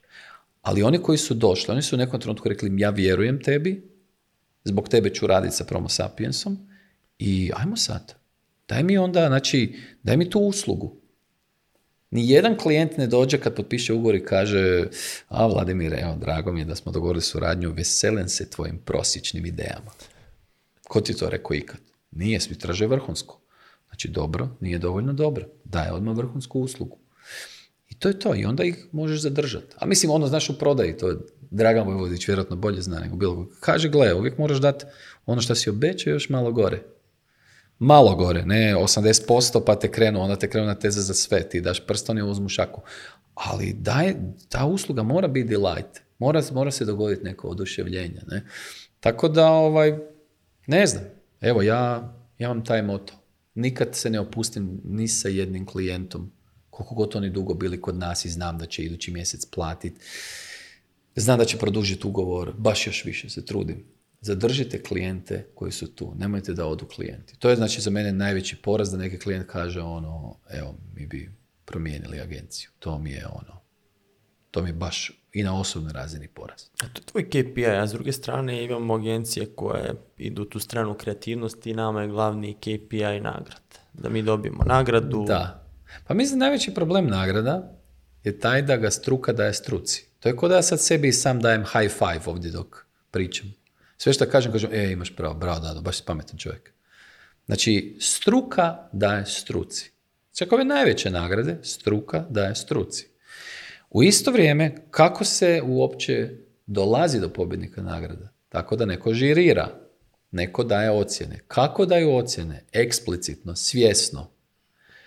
Ako si ti kandidat za nagradu i neki Pero Perić kojeg ja nikad nisam vidio. I ja sam u žiriju. Pero Perić mora imati savršeno rješenje, savršenu ideju da ja ne bi dao glas tebi. Zašto? Ti si moj prijatelj. I koliko god se možda oni, će svi reći, ne, mi pokušavamo ne, ne, objektivni. Ne, niste objektivni, zato jer postoje istraživanja, znači kanski lavovi koja je najjača nagrada, testiralo se System One Research iz, UK, testirao je, znači još je, mislim da je bilo ne mogu kako se zvao onaj članak cijeli koji je opisivao do, do lions bite, do lions still bite, tako je bilo, El grizu još uvijek lavovi. Pokazalo se da su ono, dobitnici nagrada bili u istoj razini koji nekakve ono prosječne reklame. Ono, znači, evo ja uvijek kažem, ajmo mjerit koliko je neka nagrada jaka i koju treba dobit, ali neki taj žiri, evo, budi ti u žiriju za dadu, iako ga znaš. Ali stavit ću ti EEG, ajmo mjeriti podsjesnu reakciju, ali tebi se stvarno sviđa ta reklama ili si to rekao zbog mene? Vjerujem i rezultati bi mogli biti. Ne može da se, da laže Kao, na primjer, poligraf. A može ne, ne. A poligraf, poligraf u principu nije točan. Ne? To je, mislim, jasno. On se, zato se, mislim, da i ne priznaje na sudu. ne. Kod EGA ne možeš. To je to je, kako ćeš ti na nju utjecati? Ono neko kaže, a ja mogu da gledam reklamu, počet razmišljati o nečemu, da, ali to se isto vidi vidi se, znači mi imamo ta takozvana boredom faza gdje vidimo da si odluta o mozgu. Ne? Osim toga, mi ti prije svake reklame mjerimo, imamo taj takozvani baseline gdje mjerimo kakvo je tvoje trenutno emotivno stanje. Jer ti si mogao doći na istraživanje dobre volje. I onda usred negdje treće reklame si sjetio, ah, nisam platio parking. Ja si nervozan i ta oznost ode, ali ja u baseline vidim da se tvoje ponašanje promijenilo. Ne? Vrlo je precizno, vrlo je precizno. Tako da, ne, nema tu. to je najlakši način da izmjerimo. I onda, gle, ajmo vidjeti nagrade. Mislim, ja sam isto bio šokiran, pardon, kad sam prvi put čuo da neke agencije kreativne imaju KPI-eve koliko kanskih lavova trebaju osvojiti. Bio kažem pa ono, pa, pa to se može izlobirati. To je moje mišljenje, ako ja kažem, pa good morning, znaš ono, otkrio si da Djed Mraz ne postoji. Tako da, mislim, to je biznis isto. Ako ga mi želimo tako prihvatiti, u redu je. Ali ja uvijek i brand menadžerima kažem, pa možete vi zažmiriti ako vas direktor ne pita kakvi su rezultati. Samo koliko dugo ste spremni čekati. Mislim e, krivo ću reći ime, pa ga neću rađe reći. Kaže... Gerevi. E, da, da, da, točno nisam se odmah mogao sjetiti, ovaj, je rekao, tržište može ostati iracionalno duže nego što ti možeš ostati solventan. Znači, duže će kupci imati lude odluke, a ti ćeš cijelo vrijeme reći, ne, ignoriram da oni ne vole moj proizvod, ali meni je jedna fokus grupa od njih 30 pokazala da ga vole. Idemo s time. Znači, ti možeš e, sve te podatke ignorirati koliko dugo? To je ono, dolazimo do one priče o tri menadžera i tri kuverte. Znaš tu priču? To je stara priča. Kao veli, dođe čovjek na posao i zatekne... Mislim da su tri kuverte. Sad nema me drža za riječ, neću možda dobro priču. Uglavnom, ka, kaže mu njegov prethodnik, veli, kad ti bude teško, otvori prvu kuvertu. Znaš? Ali ispriča, ispriča. Da, kad ti bude teško, ako ti opet bude teško, otvori drugu kuvertu, kad ti opet bude teško, otvori treću kuvertu. I ona prvi put kao bilo teško, otvori prvu kuvertu, kaže e, za sve optuži mene. Za sve što je loše optuži mene. Onda otvori drugu kuvertu za sve što je loše optuži kolege. I treća, napiši tri kuverte. Mislim, to su ono te neke stvari koje trebaš gledati ono, na taj način. Mislim, mislim, mi je to super, super priča. Baš pokazuje ono kako je tržište funkcionira. Samo ćemo reći pa to je bio prethodnik, pa ovo, pa a sad već ide. Tržište se malo promijenilo, da. prethodnik. Ali jučer smo imali super dilemu ja i moj prijatelj Ljuba na večeri.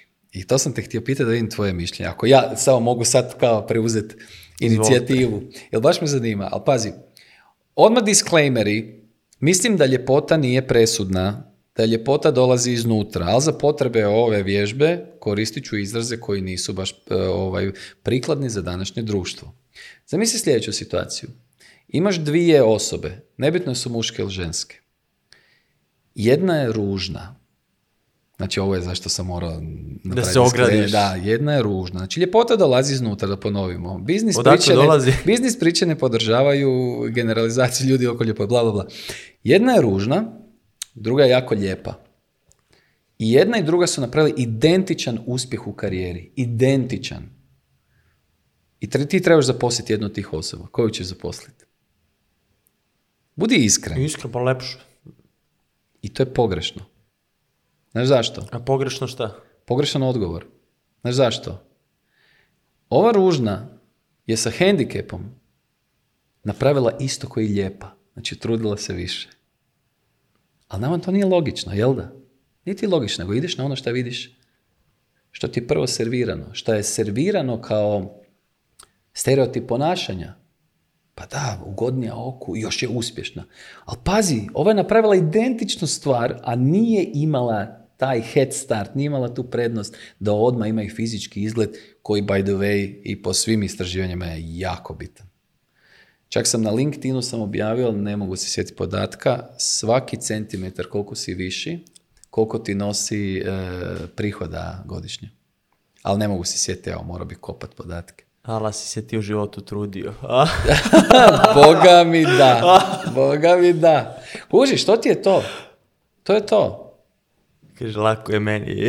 da, da, da, da. Dobra fora, dobra je ova, ovo je dobro. aplauz sad, ali ja mogu da kažem da, se deset ljudi smeje ovdje. Ti dodaj sa strane kasnije, ti odlučuješ šta će biti ovdje. Posle ove dobre šale, mislim da sam ispucao sve šale za... Ne, ne, dobro, dobro. Za, za danas, Te sam, te sam da te pitam, evo sad, sad ne znam šta sam teo da, te pitam, jučer smo imali debatu o marketing agencijama. Mhm.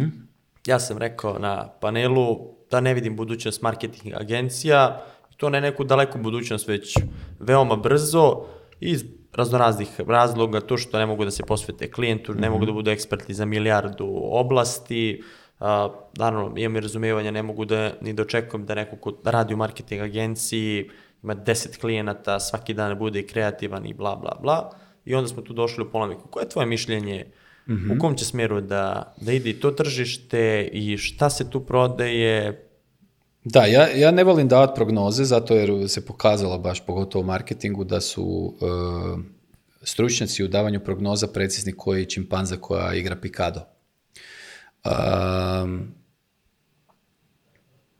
kad već jesmo na temi, ne vjerujem da će agencije propast iz vrlo jednostavnog razloga jer taj prljavi posao niko ne želi raditi. To je, to je dobar odgovor. Da, znaš ono, mislim da možeš u nekom trenutku, ako si manja firma, pa ćeš reći tamo nekoj voditeljici marketinga, aj ti nešto objavljuje na Facebooku.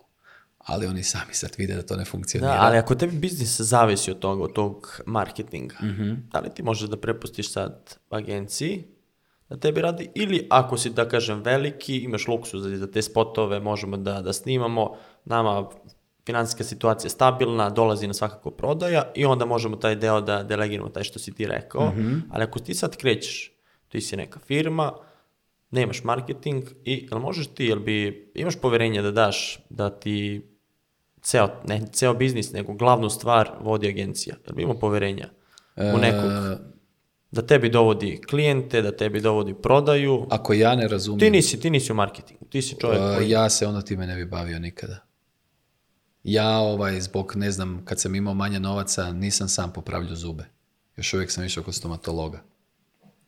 Tako da ne, mislim da uvijek treba dati profesionalcu i to ne govorim sad. Ali da, da, profesionalcu, ali sad kažem, da li da ti outsourceš, to jest da ubaciš interni tim koji će time da se bavi in-house? Koliko ćeš ga platiti? Evo, možemo kroz brojke. Ajmo reći da plaća, evo, nek bude plaća vrhunskog čovjeka, platit ćeš ga da ti bude all-around player, nek bude hiljadu eura.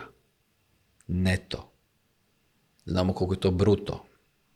Ne znam koliko u Srbiji, ali sigurno je slično kao u Hrvatskoj. A šest.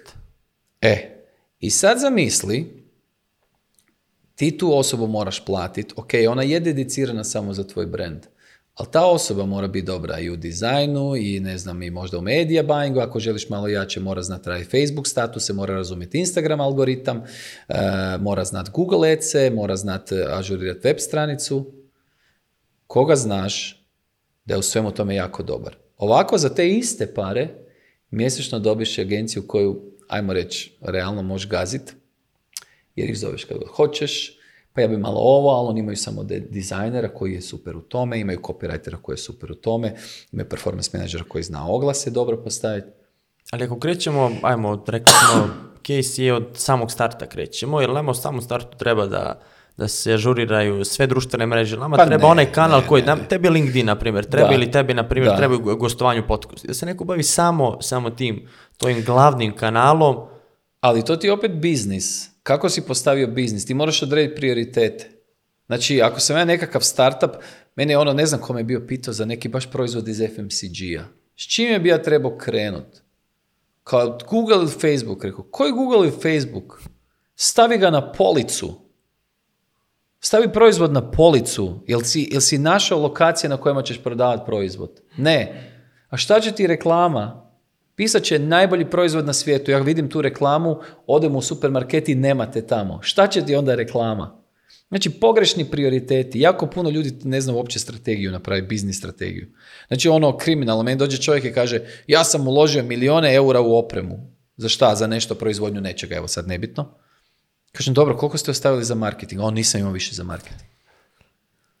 A prijatelju moju, onda, gle, pljeskat će ti doma žena, baka, mama, djeca, jer ono, bit će ona stara, e, biznis bez oglašavanja je ko namigivanje djevojci u mraku. Ti znaš što radiš, ona nema pojma. Kužiš. Tako da, ovaj, meni su to gluposti. Ja ono, ja si, idem čistu računicu, koliko para imam za marketing, mogu li sam to napraviti, ne mogu, ok, moram naći nekog. Imam ti jedan super slučaj koji sam radio, e, čovjek, moj poznanik, e, znamo se sa tenisa i on zna čime se bavi, i kaže, slušaj, žena mi ima butik, daj nam uskoči oko toga. Ne? Ja ono kao, ma ne, mi ti ne radimo sa mikro, zašto? Jednostavno smo preskupi ne da smo bahati, nego sa plaćama koja dajem ljudima ja ne mogu opravdati radni sat. Daj, daj, pomozi, pomozi, pomozi, ovo lijevo desno. Rekao, ok, ajde. Uh, po mojim pravilima. Prvo pravilo, nećete me svaki dan pitat zašto vi niste vidjeli svoj oglas. Drugo pravilo, nećete me pitati koliko je lajkova bilo i zašto je tako malo. Daćete mi 10 proizvoda iz tog butika, ja ću napraviti 10 oglasa, stavit ćemo cijene tih proizvoda, pustit ćemo ih u karusel, pustit ćemo ih svakog za sebe, znači na Facebooku tim formatima. I u isto vrijeme ćete pratiti broj upita za te proizvode u inbox i mjerit ćete mi koliko vam je ljudi ušlo u dućan. To sve hoću dobiti na papiru. I krećemo. Budžet je bio 800-900 eura. Znači kikiriki. Za mjesec.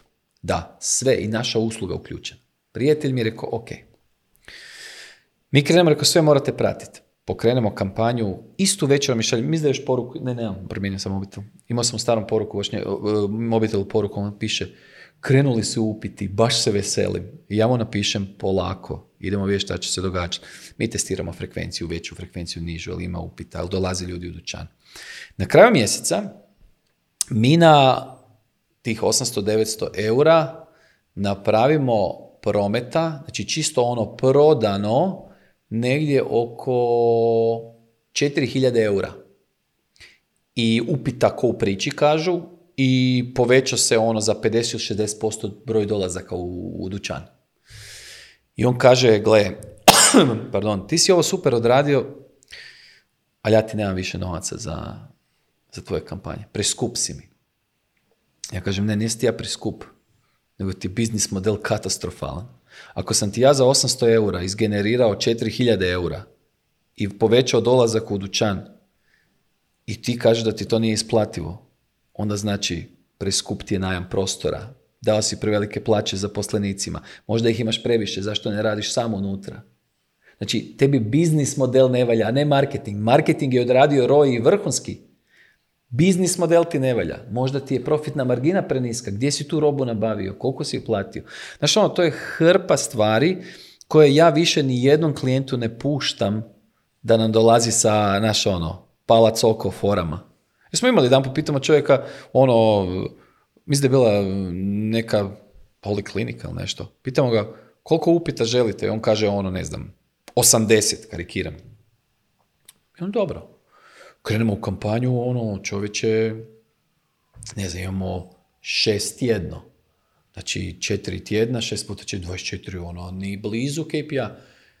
I mi vidimo u inboxu da on nije imao nešto upita uopće, ne? Da to bilo možda jedan, dva mjesečne. Mi njega pitamo, e, kako si došao do te brojke 80? Pa bubnuo sam iz glave. Koliko mi se sviđa? Koliko bih htio? Pa čekaj, ti si upropastio nama kompletnu strategiju. Mi smo sad ono, išli raditi panične reakcije. Mi nismo radili dugoročnu i segmentaciju i sve. Znaš, ono, to su stvari koje ne možeš, ne možeš ti samo odokativno. Mislim, mi sad već imamo jasne brojke. Ja uvijek kažem klijentima, digitalnu kampanju, imate samo digital. Želite da mi to radimo sa našom kreativom. Dva mjeseca mi morate dati kampanji da se primi. Kreativi. I znači ne konverzijska kampanja, ono, ako vidite ovaj oglas kupite, ne, nego ti si brand koji je negdje na nečijoj polici, znači nemaš direktno prodajno mjesto. Dva mjeseca ćeš dati moj imič kampanji da utječe na tvoju prodaju. Ali KPI mi je povećanje prodaje. Ja imam klijenta koji kaže x tisuća eura imam i 25% želim povećati prodaju. To je to. Ja radim imidž kampanju. Ne može raditi konverzije, nije na web shopu, proizvod je specifičan. A to je brand kampanju u startu? A svaka kampanja ti je zapravo brand kampanja. Ali kad pričamo sad o Facebook metodologiji... Da, da. Ovo ti je Facebook, Instagram, mi radimo branding kampanju, znači idemo na doseg i frekvenciju. I šta se onda događa? Ako mi prodaja, dobro, ja imam i neke napredne alati, imam algoritam koji određuje idealnu frekvenciju i to. Ali ako vidim da prodaja ne ide, smanjim doseg, povećam frekvenciju i tražim koja je čarobna brojka. I naravno, kreativa, kao što smo rekli, je jako, jako bitna. brati onaj odgovor, ti si agencija ili freelancer, radiš mi kampanju za konverziju, kažem Dado, pa nisam zadovoljan, nema konverzija, a ti kažeš, ali smo povećali brand awareness. ako smo unaprijed dogovorili da će tvoj cilj biti da ne znam, imaš 30% više posjeta na webu i to računaš kao povećani brand awareness ili da će se povećati broj pretraga za, za ključnu riječ biznis priče, ako si ti to postavio kao cilj unaprijed, onda ja to, ja ću se toga držati ko pijan plota, ja ću ti reći da mi ne možeš reći da nisam dobro odradio. Ali ja obično idem na biznis ciljeve sa svim klijentima. Zašto? Jer kad tad te metrike taštine, Vanity Metrics, njima isto nisu zanimljive, ali dođe predsjednik uprave i kaže, e, baš me briga šta je tamo neka žena napisala, vi ste tako divni, gdje su moje pare? I tako, ja ti zapravo imam obrnuti situaciju. Pitan klijente koji je cilj. I oni kažu, ne znam, povećanje brand awareness. Ja kažem, to mi nije dovoljno kvantificirano. Ajmo konkretno. Pa mi bi htjeli, ja e, i onda ih uspijem nagovoriti da tipa, ka, oni kažu, pa ne znam, mi bi da imamo 100.000 posjeta webu, da nam je engagement rate 20%, da, sve nabroje te metrike, ali sve su to metrike taštine. I onda moje pitanje je sljedeće. Ok, hipotetska situacija, ispunio sam sve metrike, 100 tisuća posjeta mjesečno, bounce rate vam je ispod 30%, engagement rate je preko 20%, imate tisuću novih followera, ali vam prodaja nije skočila. Hoćemo li moju kampanju smatrati uspješnom? Ja ih to direktno pitam. Tu svi malo zamuckuju. Jer se bore između toga, ok, meni je lakše da pratim ove metrike, ali stvarno, CFO možda dođe i kaže, koliko smo zaradili od te kampanje? Tako da ja više volim kampanje gdje mi u startu krenemo sa time da ti bez obzira šta meni kažeš, to će biti imidž kampanja i želim da mi ta imidž kampanja podigne prodaju za x posto. Meni je puno lakše priprema takvu kampanju. Jer onda mi razgovaramo o pravim stvarima. Onda ja zapravo ne moram čekat tebe da mi kažeš hoćemo li nastaviti suradnju. Ako ja gledam tvoje prodajne rezultate, ja ću sam znati. Znaš kako ono kaže, e, ispratit ću se sam. to je znam gdje je izlaz. E, e, da, da, znam gdje je izlaz. Tako da meni je to, znaš, ono, kad ja pratim prodajne ciljeve, onda ja znam, da li možeš na sve utjecati, ne možeš. Meni recimo isto dođe neko, mislim više ne, ali su dolazili, kaže, a jel bi mogao, bilo je na panelu, kao mislim da bi influenceri trebali raditi na success fee. Kao ti kaže moj kod Vladimir 15, 15% popusta, kupite odmah i to. Ja kažem, to sad svojem klijentu jednom rekao, on kaže, ali možemo na Success fee? Rekao, možemo. Ali, ja imam, firme, ne? Ne, ja imam pravo utjecati na cijenu, distribuciju, izgled proizvoda, e, na tvoje prodajno osoblje, na ljude u dućanu, na sve. O, čekaj, kako očekuješ success fee od mene? Ti meni možeš doći i reći, e, Dado, dobit ćeš pare ako 50% podigneš prodaju. Ja pogledam trenutno ono rezultati i svi koji pa mogu bi to. I taj dan kad sam rekao deal, idemo na success fee, ti digneš cijene 60%. Ili e, otpustiš tri najbolje radnice ili radnika i meni kupci nema ko s njima razgovarati. Ja sam imao taj slučaj pred, na početku Promo sam, prihvatio sam od jedne turističke agencije kao ima na success fee. Upita ko u priči, znaš ono, turizam, Hrvatska, sve nema konverzija. I onda kad sam išao kopat, ne radi call center, ne radi. ništa. Ponude čekaš, ti ponudu za obični izlet čekaš deset dana. Pa ko će ti deset dana čekat? Oni imaju tu svoju dreaming, planning fazu i to je to. ja rekao, ok, dobro, bila mi je škola. Izgubio sam novce, ali nakon toga kogod mi kaže success fee, rekao, može. Ako ću ja imat kontrolu nad svim fazama razvoja tvog brenda i taj neki tvoj brand journey, onda možemo razgovarati o tome. Inače, ti ćeš voditi 90% posla, od mene očekuješ da bude rezultat bolji, još da ti radi marketing gratis. O, super, si si to zamislio. Ili zamislila. Pričao si danas i za utice influencera, kako mm-hmm. stavio si chart, sad ne možemo da, da prikažemo taj mhm. grafik, stavio si da Kim Kardashian i saradnje. Prva, druga, treća objava. Tako je. Kako raste taj utice ili kako opada? Da, e, taj slajd je jedan primjer jednog brenda, znači kripto tokena, IMEX, koji je Floyd Mayweather promovirao i promovirala Kim Kardashian. I on fantastično pokazuje Znači, Floyd Mayweather, kad je prvi put e, promovirao, ogromni je bio skok znači, u, u prometu tog tokena Eh, drugi put već je bio slabiji, ali još uvijek je bio jak, ali kad je došla Kim Kardashian i ona napravila skok nakon nekog eh, perioda stagnacije, nije mogla dosegnuti Floyda.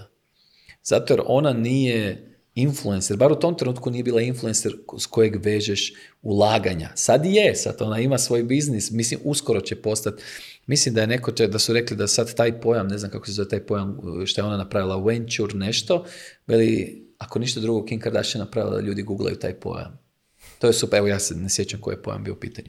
Uglavnom, Mayweather je tu napravio jaču, jaču priču, zato jer je on kongruentni, njega, on, njegov nadimak je money, i on se hvali slovom i zaradom, njega želiš vezati uz kripto. Znaš što nisam rekao danas na konferenciji? Kim Kardashian je kažnjena, zapravo sudsku nagodbu je napravila, 1,3 milijuna za to. Za to. Jer kao je bilo prikriveno oglašavanje, nije rekla da je plaćena za to. Tako da, ovaj, kod svih influencera, praktički moraš gledati da uzmeš influencera koji ti je kongruentan i moraš paziti na vampir efekt da ti ga on ne pojede. Da ti on ne isisa sa brand recall svojom snagom. Recimo primjer, nisam danas htio ići toliko hardcore, ali primjer... Daj te Da, da, primjer koji sam ja, ja često kažem i ovaj, brendovima. Ako vi radite fancy event na koji pozovete influencera, nekog, bilo kojeg, grupu njih, i to je večera, to je skupi hotel, to se ide jahtama, se leti se avionima biznis klasom.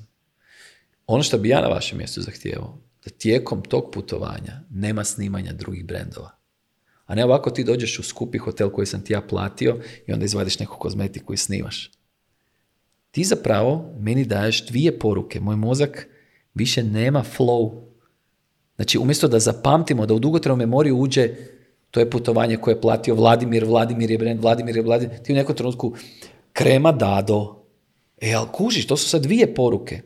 A inače u marketingu moraš paziti da nemaš previše različitih poruka, ali ti to isto kao kad da se mi dodajemo sa teniskom lopticom. Ako bacamo jednu, lagano ćeš pratiti. Šta ako ti počnem bacati četiri u isto vrijeme? To je katastrofa i za motoriku i za mozak. Ne? I tu, to nisam danas htio reći, bilo mi žao da baš ono zakucam do kraja, ali evo, ja da sam brand manager, ja bih rekao, ok, sutra te vodim na Bali. Letimo biznis klasom, bit ćemo u super hotelu. Nema snimanja, ono, ovo je moja pušilica, ona parilica, eh, evo kupite kod ovaj, do sutra vam vrijedi kod, onak i za tebe naš ono super soba sređena ili bazen. Taj bazen sam ja platio. Moj brand je platio da ti e, kupaš svoju guzicu u tom bazenu. Ne možeš mi stavljati drugi brand. Znači ti doslovno na moj račun radiš scenografiju za promociju drugog brenda. Ha!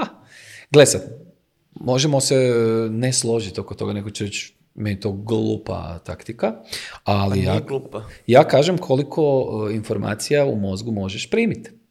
To ti je, evo ti, evo eksperiment jedan. Uh, probaj ovako, Probaj pet puta za redom reći I love weather in California. Jesi? Da. Probaj to sad reći e, unazad, na glas, jednom samo.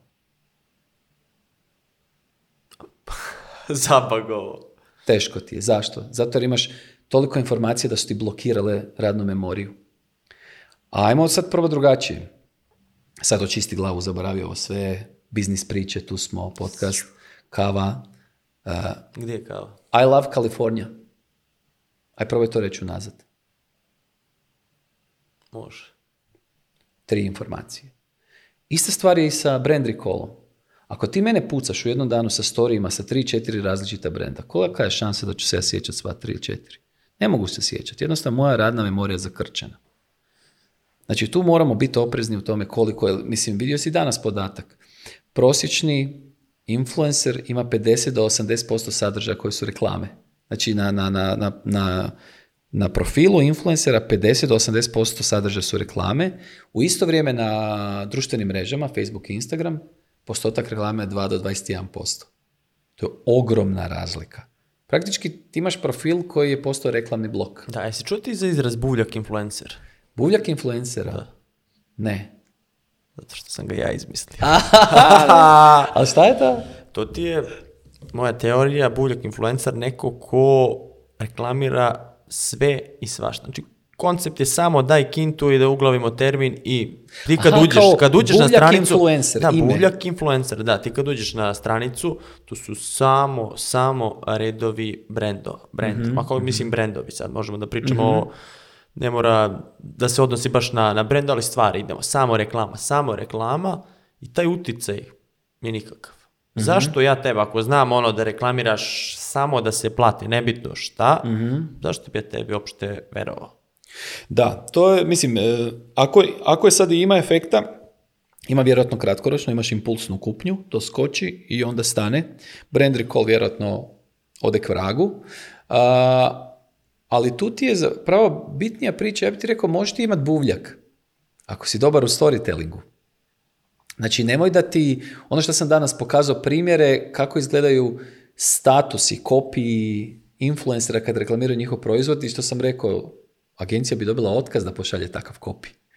Eh, znači, možeš ti meni staviti deset storija koji su svi reklama, a daj nek to bude zabavna priča. Recimo, Imaš neke trivialni stvari, e, djevojka koja kod nas u Hrvatskoj poznata influencerica, Andreja Andraši, stand-up komičarka, vrlo pozitivna osoba, duhovita, i ona je ispisateljica. Ona isto radi i fashion hallove i to. Ali ima neke fore da uvijek napiše neki smiješan kopij ili stand-up komičarka. Ne?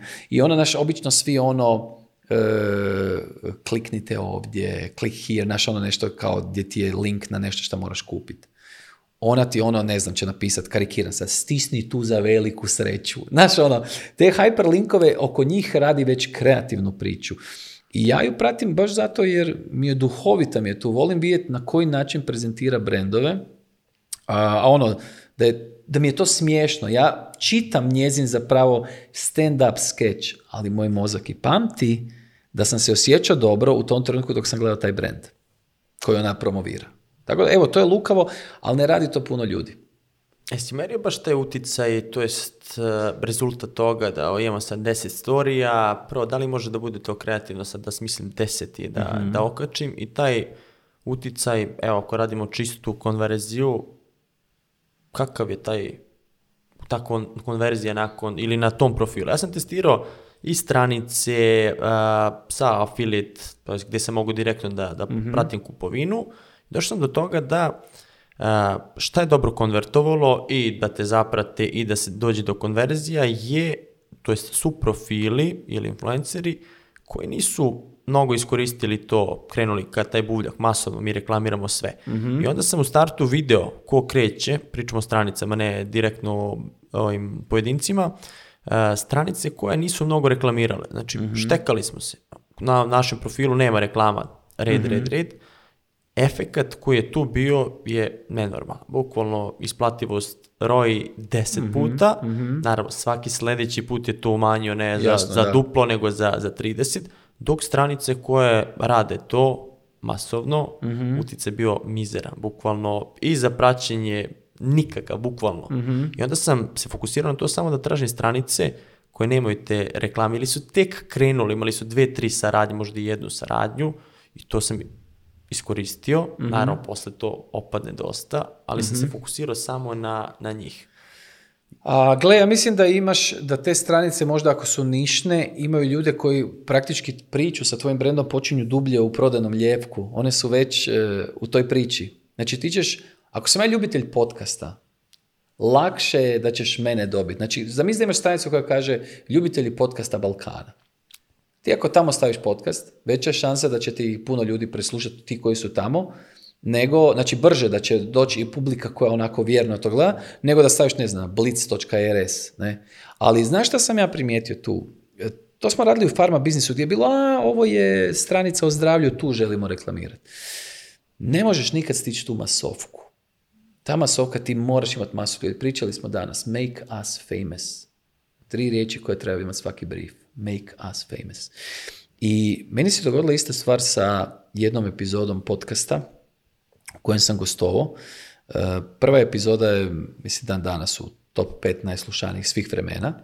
Na tom podcastu? Da. A druga, doslovno kad sam išao, kad su me pozvali ponovo, rekao, ok, ovaj put ću biti malo konkretniji, odrešitiji, iako ono, stvarno, feedback na prvu je bio odličan, dobili smo i puno i poziva i za konferencije i upita za posao i dobili klijente, ali rekao, bit ću ovdje malo žešći. I stvarno ja sam bio jako zadovoljan epizodom i znači autori, sve super. I krene to. I sad mi u nekom trenutku puštamo PR. Naravno, uvijek ide nekakav PR, ide objava, e, gostovali smo na podcastu, poslušajte ovo. I ovaj put ja kažem, ajmo targetirati samo ljude od kojih mi stvarno želimo da kupe našu uslugu. Znači, ciljete ono direktore, marketing menadžere, brand menadžere, znači, samo njih. I krenemo s time. I prođe, znači, neko vrijeme kampanja završi i zovem ja, znači, autora podcasta, kažem, e, kako prolazi ova moja epizoda? Kaže, gledaj, dobro je ono, ali mm, veli nije ni blizu prve, ali ok, prva je bila ipak imala tri godine vremena da postane kultna, ajmo tako reći. Kaže, ali kad gledamo odnosu na druge, malo je bolja od prosjeka. I meni to bilo totalno razočaranje. Ja kažem, rekao, ja sam stvarno imao osjećaj, do duše subjektivan, da je ova epizoda dala toliko više korisnih informacija. Šta je tu je? I ja kažem ekipi, znaš šta, vrag mi ne da mira. Aj sad pustite na, na raju, kako bi rekli u Na raju, sve. Ubili, sad je najslušanija ove godine, 2022. još ju niko nije skinuo. Čekaj, šta ste radili? Boostovali ste? Da. Znači, samo smo napravili PR objavu. Evo, bili smo gosti u tom podcastu. Poslušajte epizodu. Ali nisam ciljio Vladimira. Mhm. Sve. Pero, Dado, Branko, svi, svi, ko god hoće slušati. Šta se dogodi?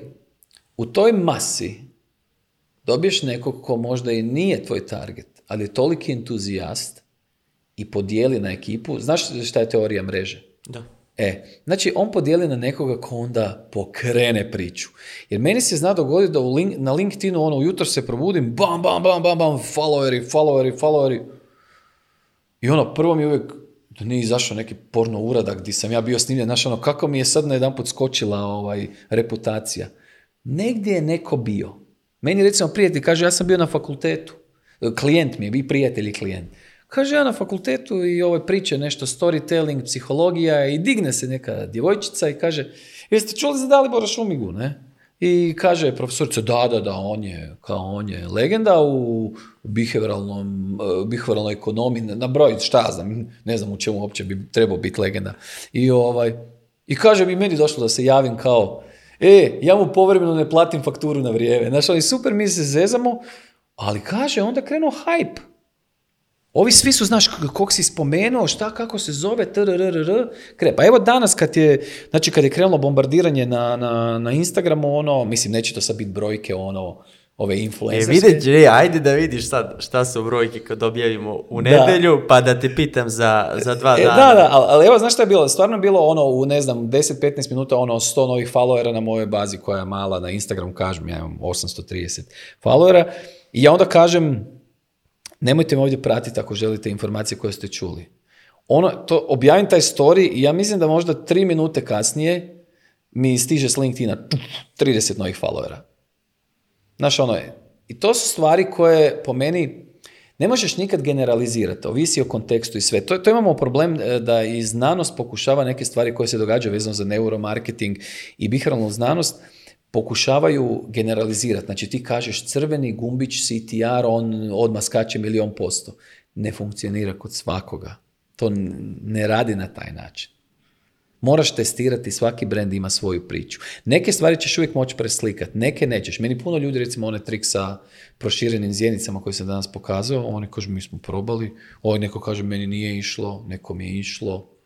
Pa smo imali jedno vrijeme, mi smo napravili prvu unlike kampanju na Balkanu ne znam jesi to bio vidio. Mm, ne. Mislim, to smije mi reći, jer ono, klijent je čak i dopustio da se oko toga radi PR, za Jub, Jub boje. Mm. Radili smo kampanju.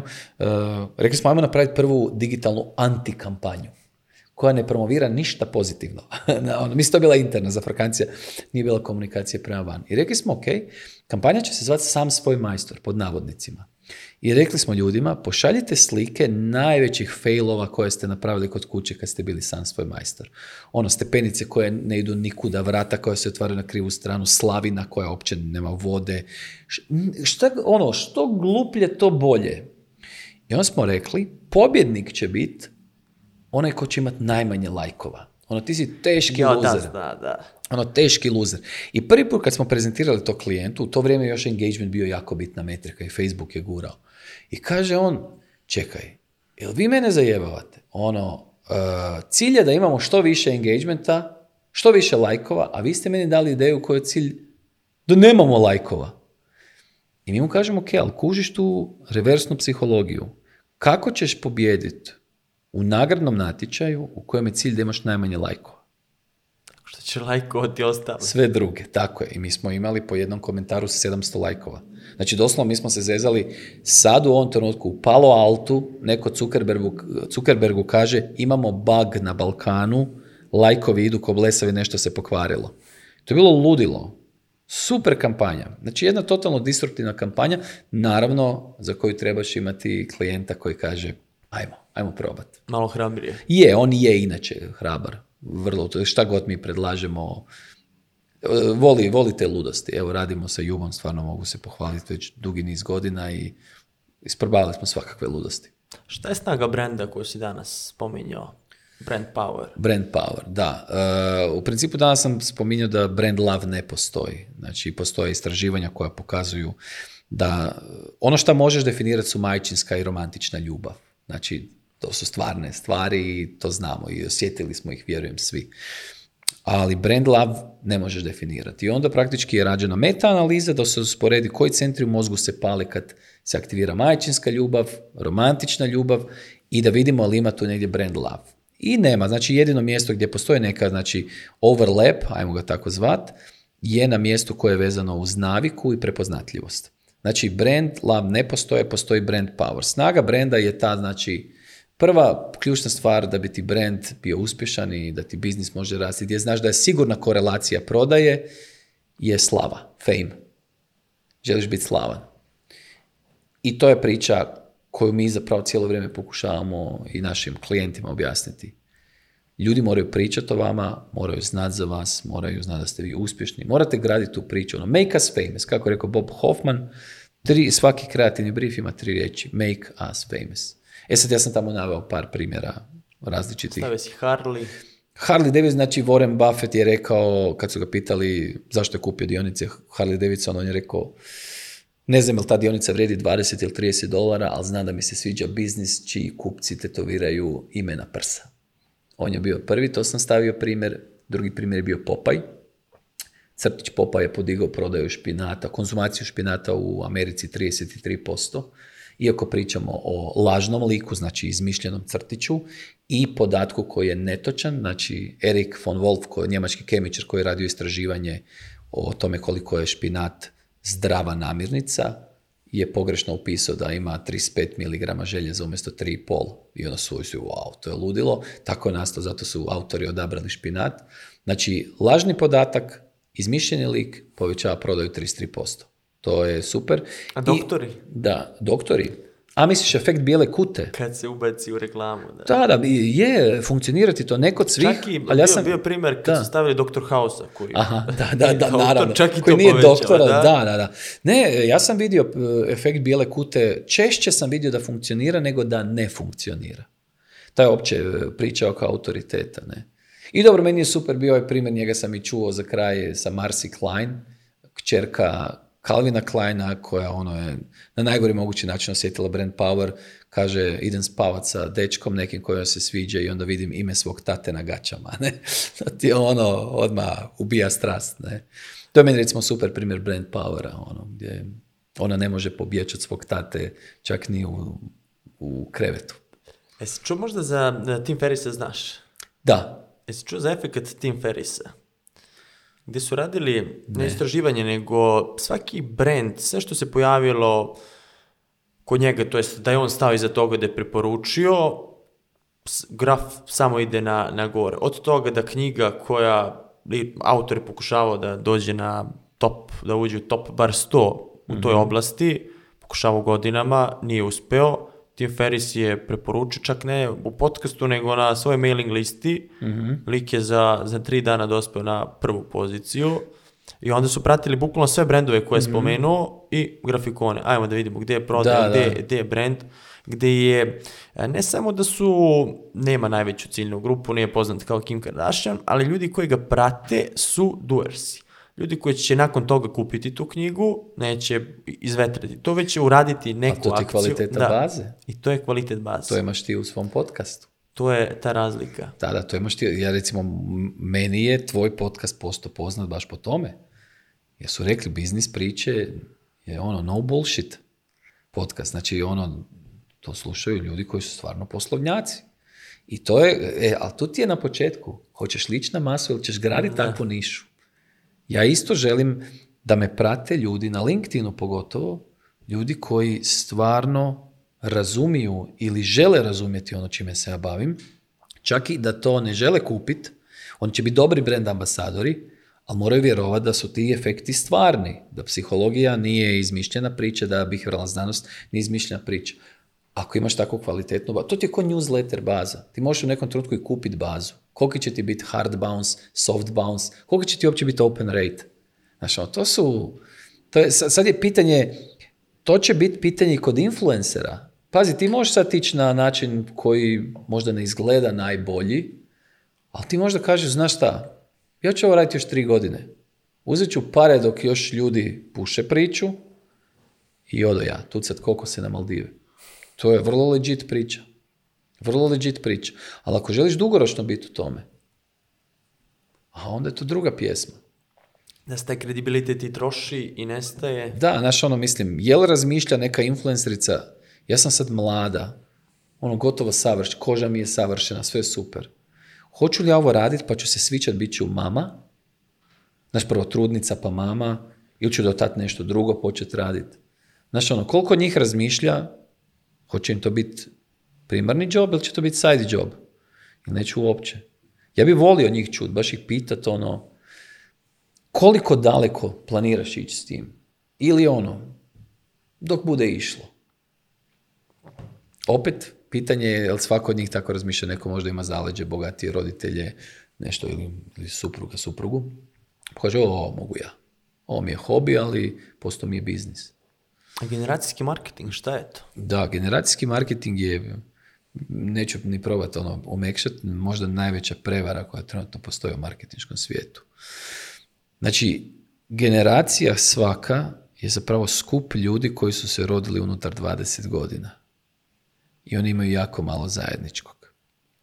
Znači, istraživanja pokazuju lakše ti je targetirati ljude koji piju oranđinu, njihov kohezijski skor je 4,5, nego generaciju Z čiji kohezijski skor je 0,2. Znači, to je katastrofa. Kohezijski skor znači koliko je neka grupa homogena, koliko mi razmišljamo jednako. Znači, i generacija Z nije takva. E, tu odmah se nameće pitanje, a kako onda targetirati? Psihografski podaci. Nebitno o dobi. Znači, evo, moj sin i ja smo bili na koncertu Guns N' Roses u Beču. On je veliki fan ja onako, fora su jel, znam šest pjesama i to, ne.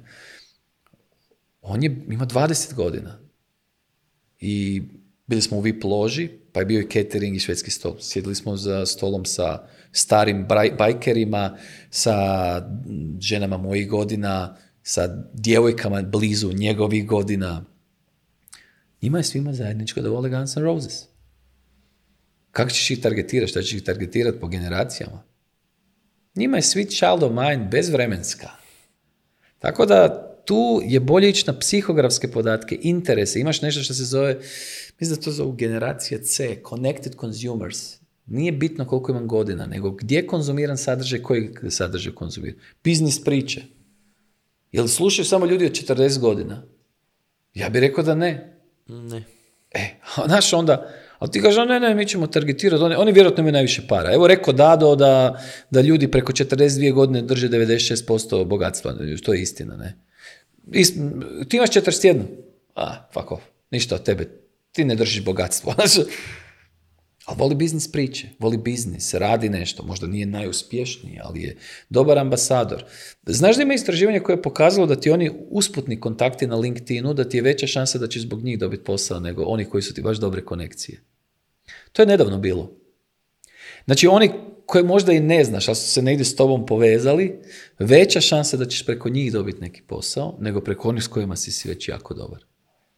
Paradoks. A mislim nije, kad realno pogledaš koji ono kad kažu da najčešće kad su humanitarne kampanje da sirotinja daje najviše. Vjerojatno zato jer osjeća kako je to ne imati. Pa da, ono i malo koliko ima, ali da, da od srca, ne. Na, e, to je bila isto ona romantična priča kao imaš muškarca koji dođe ženi i daje, ne znam, kupio prsten za hiljadu eura, ne? Njemu je to sve, a... Da, tako je, tako je, točno to, da, točno to. Inače, će znaš da kampanja sa, sa prstenom, sa dijamantima, da je to proglašeno za najbolju kampanju svih vremena. De kampanja Dijamanti su vječni. Znaš to? I to je mm. žena napisala, kopirajterica. Mislim da je bila kopirajterica copywriterica 30 godina u istoj agenciji radila za Debers. I onda su napravili kampanju Diamanti su vječni i bila je priča kako da ljude natjeramo da potroše više na dijamante. U to vrijeme valjda nije bila priča da su dijamanti nešto presudno za zaruke.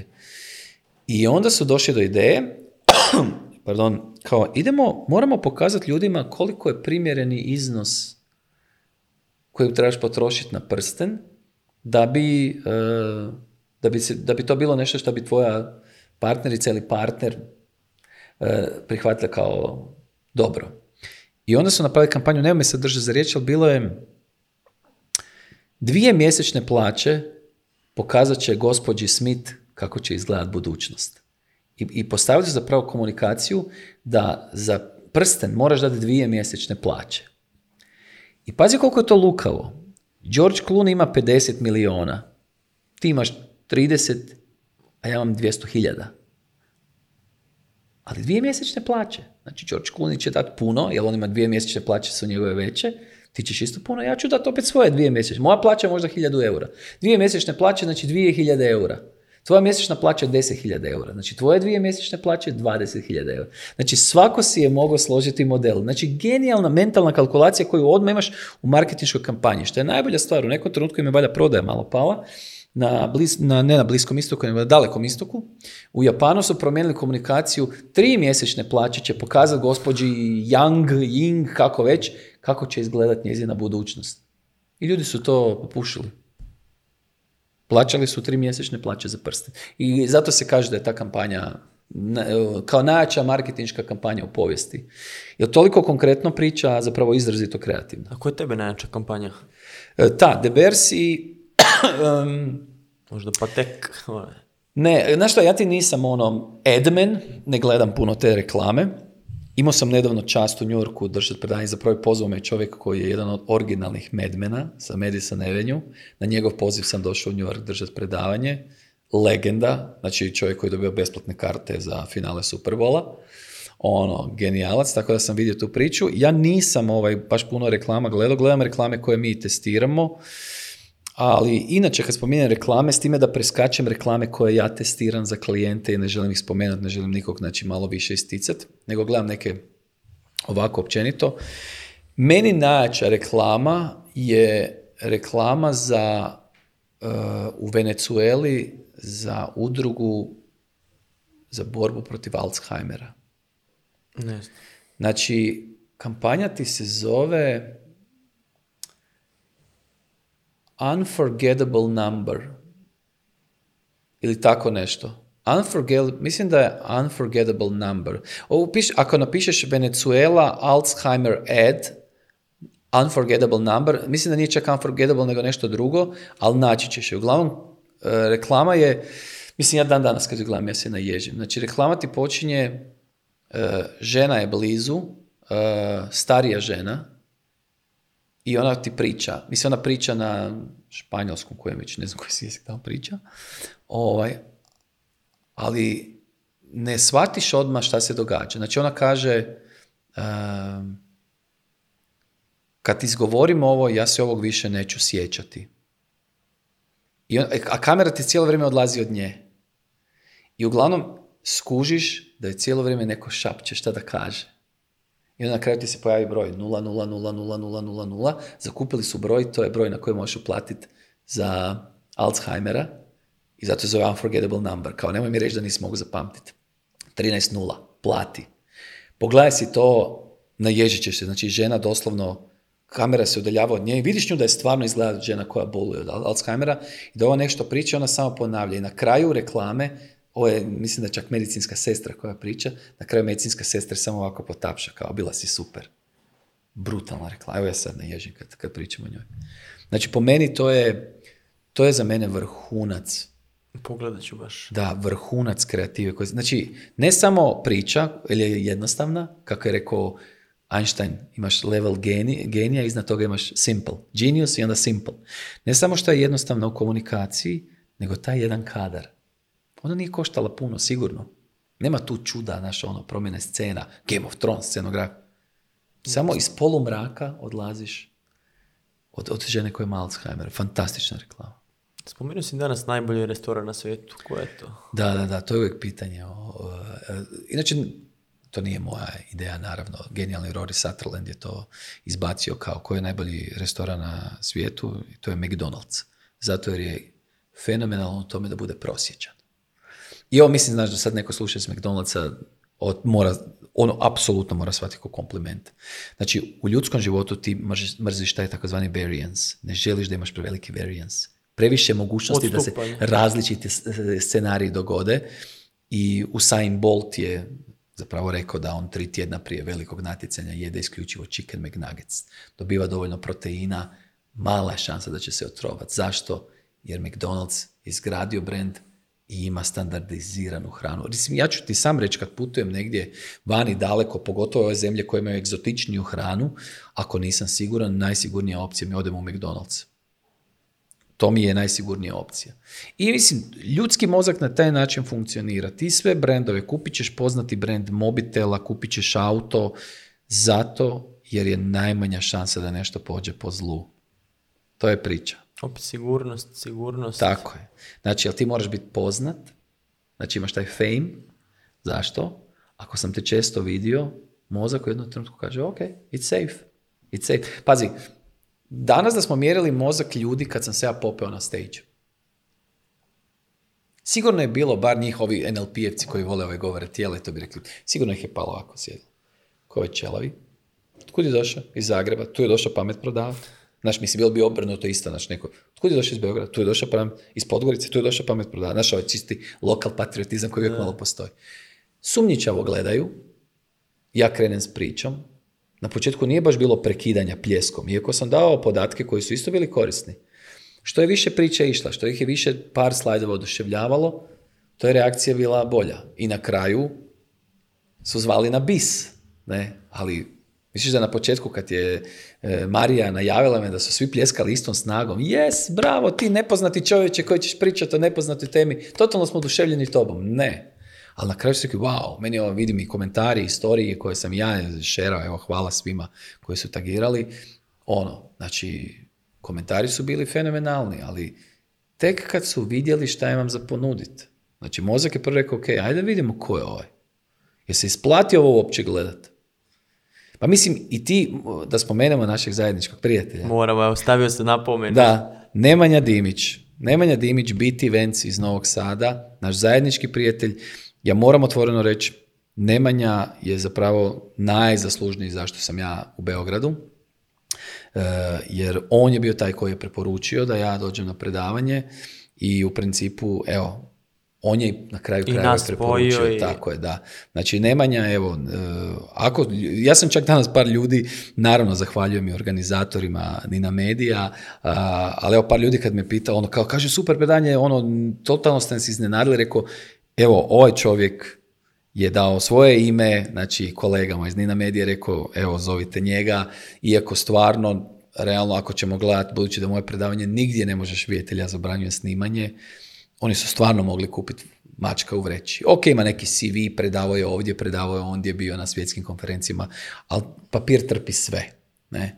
I mislim, tu riječ neko kome vjeruješ, evo Nemanja i tebi rekao da me zoveš u podcast, ja znam da je Nemanja svima pričao, ja već sada kažem da će Dadino predavanje biti najbolje na Influencer Marketing Summit. On je stvarno vjerovao u to, ja sam na tome zahvalan.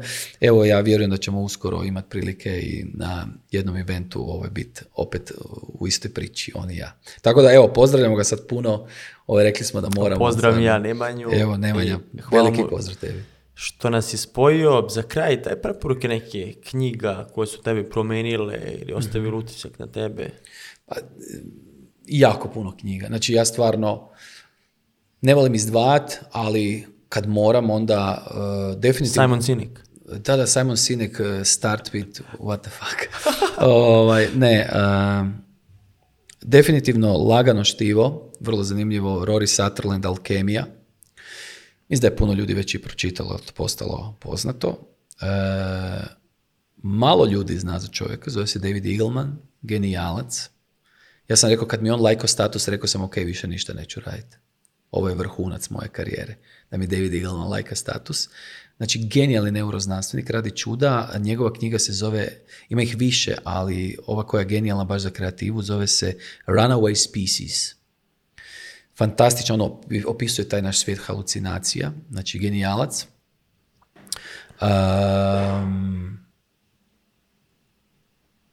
e sad, sad je ovo sve, naš ono dilema, ne znam, dobra mi je Davidovica, ona don't trust your gut, to je dobro vezano za data science, ali vrlo pitko štivo. Beautiful Constraint, knjiga koju nećete ju cijelu pročitati, ali ima vrlo zanimljivih primjera koji pokazuju da kreativu trebaš obuzdat. Znači, ne možeš reći, e, to ti je najgore što možeš dobiti brief, e, nećemo vas e, sputavati budžetom. Ne, ne, ne, spute me budžetom. Znači, istraživanje gdje su djecu stavili da se igraju na igralištu. I nije bilo ograde onda kad su pratili, djeca su se više igrala prema sredini. i nisu znala koliko daleko smiju ići. Kad su stavili ogradu, djeca su se igrala punom, znači površinom. Maksimalno su koristili prostor za igru. Tako da je kreativu preporučan svim brand menadžerima, a pogotovo agencijama da to inzistiraju, dajte mi budžet. Ja od početka Promo Sapiens uvijek pitam koliko vam je budžet. Lažite mi, ako imate 100.000 nečeg recite imate 50. Samo mi dajte brojku. I onda onima nemamo budžet. To je najčešće bilo. Koliki vam je budžet? Nemamo budžet. Dajte vi nešto predložite. Ja kažem, dobro, ja mislim da za milijon eura možemo napraviti fantastičnu kampanju. A nemam toliko. Vidiš da imaš budžet. Vidiš da imaš, čim, čim znaš da je to previše, imaš budžet. Imaš neku brojku, u glavi si si postavio neku mentalnu barijeru gdje će ti se upaliti centar za bol, a gdje će se upaliti centar za zadovoljstvo. Znači jednostavno ti moraš u nekom trenutku, znači rećeš ovo mi je cijena previše ili premalo. Tako da, evo, Beautiful Constraint je dobra knjiga, sad ako neko više voli ovaj data science, e, super forecasting od Tetloka i ima knjiga koju ja još nisam do kraja završio, ali nedavno sam je preporučio, nekome na LinkedInu pitao, e, How to lie with statistics. Statistics. Kako lagati sa statistikom. Evo, to mi se čini da bi mogla biti intrigantna. Sad ne znam što sam ja zadnji čitao da je mene oduševilo. Kaže, meni je Eagleman, ono, ja njegove knjige progutam, ono, to je doslovno, ko kad, kad sam čitao prvi put e, gospodara A To subjektivno malo zato što ti lajkova status ili... Ne, ne, prije. Meni je zapravo bilo čast što sam ja pročitao njegove knjige i onda sam nešto napisao i on mi je lajko status. Ali dobro, dobro, dobro podbadanje pred kraj, da, da, dobro, dobro. Falio je jedan pouk, već dugo nisi. Ne? Je, je, je, ali gle. Mislio sam da sam potrošio, ali je, nisi, Veli, stao si mi na vole, rekli bi to u nogometu, šta sam ja mogu. A ne. Doba, kaže, recimo ovo, recimo. Da, da, da, da ovi fanovi, ovi tisuću. Veli, ovi, ovi, što pišu fore. Odlično. Da, ne, ja, ja sam veliki, veliki fan njegovog rada i ono, baš jesam fanboy boji ono stvarno kad mi lajka status ja onda... Evo još jedna za Kako zakucavanje. Mislim da je to što se tiče knjiga, mi ćemo to popisati. I imamo mhm. spisak knjiga se nalazi u opisu, stavimo sve knjige na jedno mesto i ne moraju da slušaju da pišu koja knjiga, da mogu da ih nađu. Odlično. Dado, hvala ti što si bio gost. Hvala tebi na pozivu. Što smo, evo, koliko pričamo već, dva i po sata. Rekao sam ti da ćemo rušiti rekorde. Tako da mislim da sam obradio sve teme koje sam htio da te pitam za, za ovaj prvi podcast. Pa da vidimo, da vidiš ti šta je ta razlika. Sad bio si po podcastima, bio si, vidio si kako izgleda kad navale, ali ajde da vidimo sad kako će to izgledati, pa ću te pitati posle dva dana od emitovanja, a slobodno možete da ga dodate na LinkedInu i pustite mu poruku, pitajte zašto ne možemo da se umrežimo nego da te pratimo. Super. A mi se vidimo u narodnoj biznis priči.